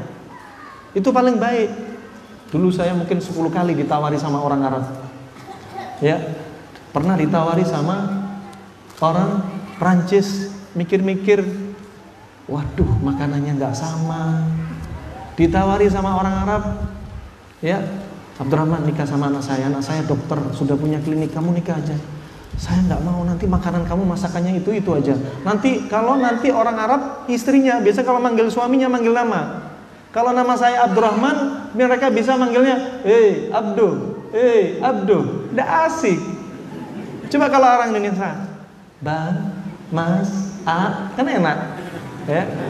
Nah, orang Arab, "Hei, Abdu, ta'al." Hei, tidak asik. Aduh, enggak lah, cari negeri sendiri aja dah. Sampai pernah mau dinikahkan sama orang Badu. Ada nenek-nenek nangis. Abdurrahman jangan pulang nikah sama negeri kami aja orang sini tak carikan kamu dah. Biar ada orang yang ngobati kami di sini nikah sini aja. Sampai orang Badu nggak kebayang, orang Badu nggak tahu hukum mandi janabah. Ya, coba satu bulan orang Badu laki-laki ini aja kadang nggak pernah mandi. Lah setiap Jumat berarti nggak mandi. Lah kalau janabah gimana? Ya, kadang mandi aja cuma hari Jumat aja. Ya, orang Badu kalau hubungan intim gimana baunya? Baunya bau kambing, bukan mencela ya. Yang bau, yang bersih ya bersih. Nah. Kemudian ya termasuk hal yang baik menyenangkan istri ya. Jangan bikin perut antum gendut. Kalau perut gendut biasanya apa? Ini saraf ketekan sama lemak.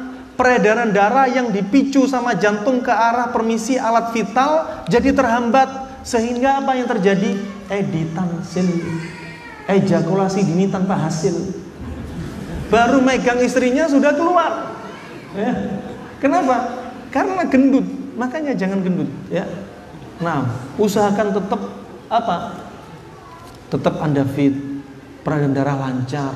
Kolesterol juga dijaga. Makanan kalau banyak kolesterol, lama-lama peredaran darah sempit. Yang darah gini jadinya sempit karena jadi plak-plak, termasuk lari ke alat vital juga kurang.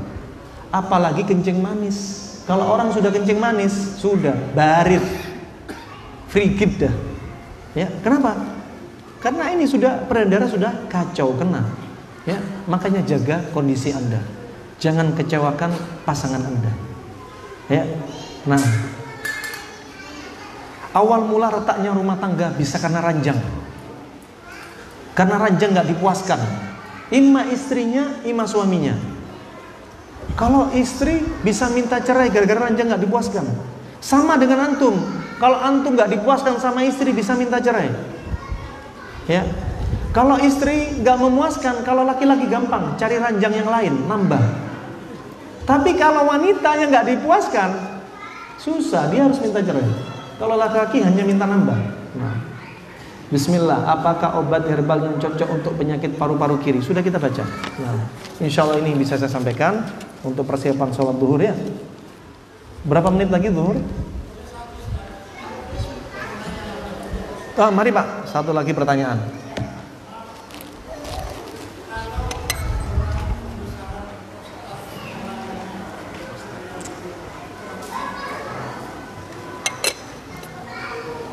Prostat juga demikian. Penyebabnya di antaranya permisi pak ya. Ima jarang dipakai, ima terlalu sering dipakai. Ya. Makanya jangan terlalu ekstrim kanan, jangan terlalu ekstrim kiri. Ekstrim kanan terlalu sering dipakai. Ekstrim kiri berbulan-bulan nggak dipakai-pakai. Karatan akhirnya. Bengkak. Tetap di tengah. Juga bisa jadi dia karena apa? Karena ada stagnan peredaran darah yang tersumbat di situ. Ya, peredaran darah tersumbat dan dia nggak harus dioperasi. Ya, saya pernah nangani tahun 2003 pasien prostat kakek-kakek umur 75 tahun hanya pakai terapi refleksi 4 hari saja. Kemudian pakai daun meniran. Tahu meniran ya? Di sawah-sawah, cari di Google nanti, daun meniran. Hanya dua jenis terapi ini. Empat hari kemudian, ya sebelumnya pakai kateter, kateter, pakai selang, kamarnya bau pesing, permisi. Kemudian telepon empat hari kemudian, Masya Allah, tadi pagi selang itu brojol keluar, selangnya nempel, prostatnya nempel semua, langsung jebol. Alhamdulillah sembuh total dengan izin Allah. Padahal operasi tahun 2003 waktu itu prostat 11 juta. Kalau sekarang mungkin 27 juta. Ya, murah sekali sebenarnya ya. Hanya pakai terapi-terapi yang ringan. Juga pakai terapi seperti apa? Karena ada peredaran darah yang tersumbat di situ. Ini ada darah nyumbat tersumbat di sekitar kemaluan di prostat. Sehingga apa? Darah yang tersumbat jadi apa? jadi ko apa jadi makanan sel-sel sekitarnya sehingga kelebihan nutrisi bengkak itu teori disiplin yang ilmu yang lain bukan ilmu kedokteran ya bukan kedokteran modern sehingga bengkak ketika bengkak saat itulah darah yang tersumbat perlu dibebaskan ya nah caranya bisa tanya Ustadz Jumrin dan yang lain-lain ya nah terapi-terapi yang tadi pagi juga bisa dipraktekkan. Terus Anda bisa refleksi pada titik ginjal, titik uh, vesika, uh, titik kandung kemih, titik kemaluannya ya sambil Anda konsumsi meniran ya, meniran. Sangat simpel sekali ya. Kemudian jauhi pantangannya. Prostat sifatnya panas. Pantangannya apa? Yang panas-panas. Jauhi kambing, jauhi cabai, jauhi merica, ya, jauhi ayam potong, ya Jauhkan sifat yang panas-panas, ikan asin, telur asin, jauhi semua. Nah, itu yang bisa saya sampaikan. Semoga bermanfaat untuk Islam dan Muslimin.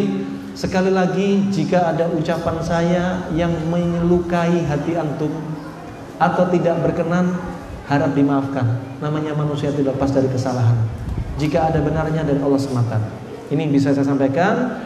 Semoga amalan antum duduk bermajelis ini menjadi pemberat timbangan kita nanti di mizan hasanatina. Wabillahi taufiq wal hidayah. Subhanakallahumma wa bihamdik asyhadu an la ilaha illa anta astaghfiruka wa atubu ilaik. Wassalamualaikum warahmatullahi wabarakatuh.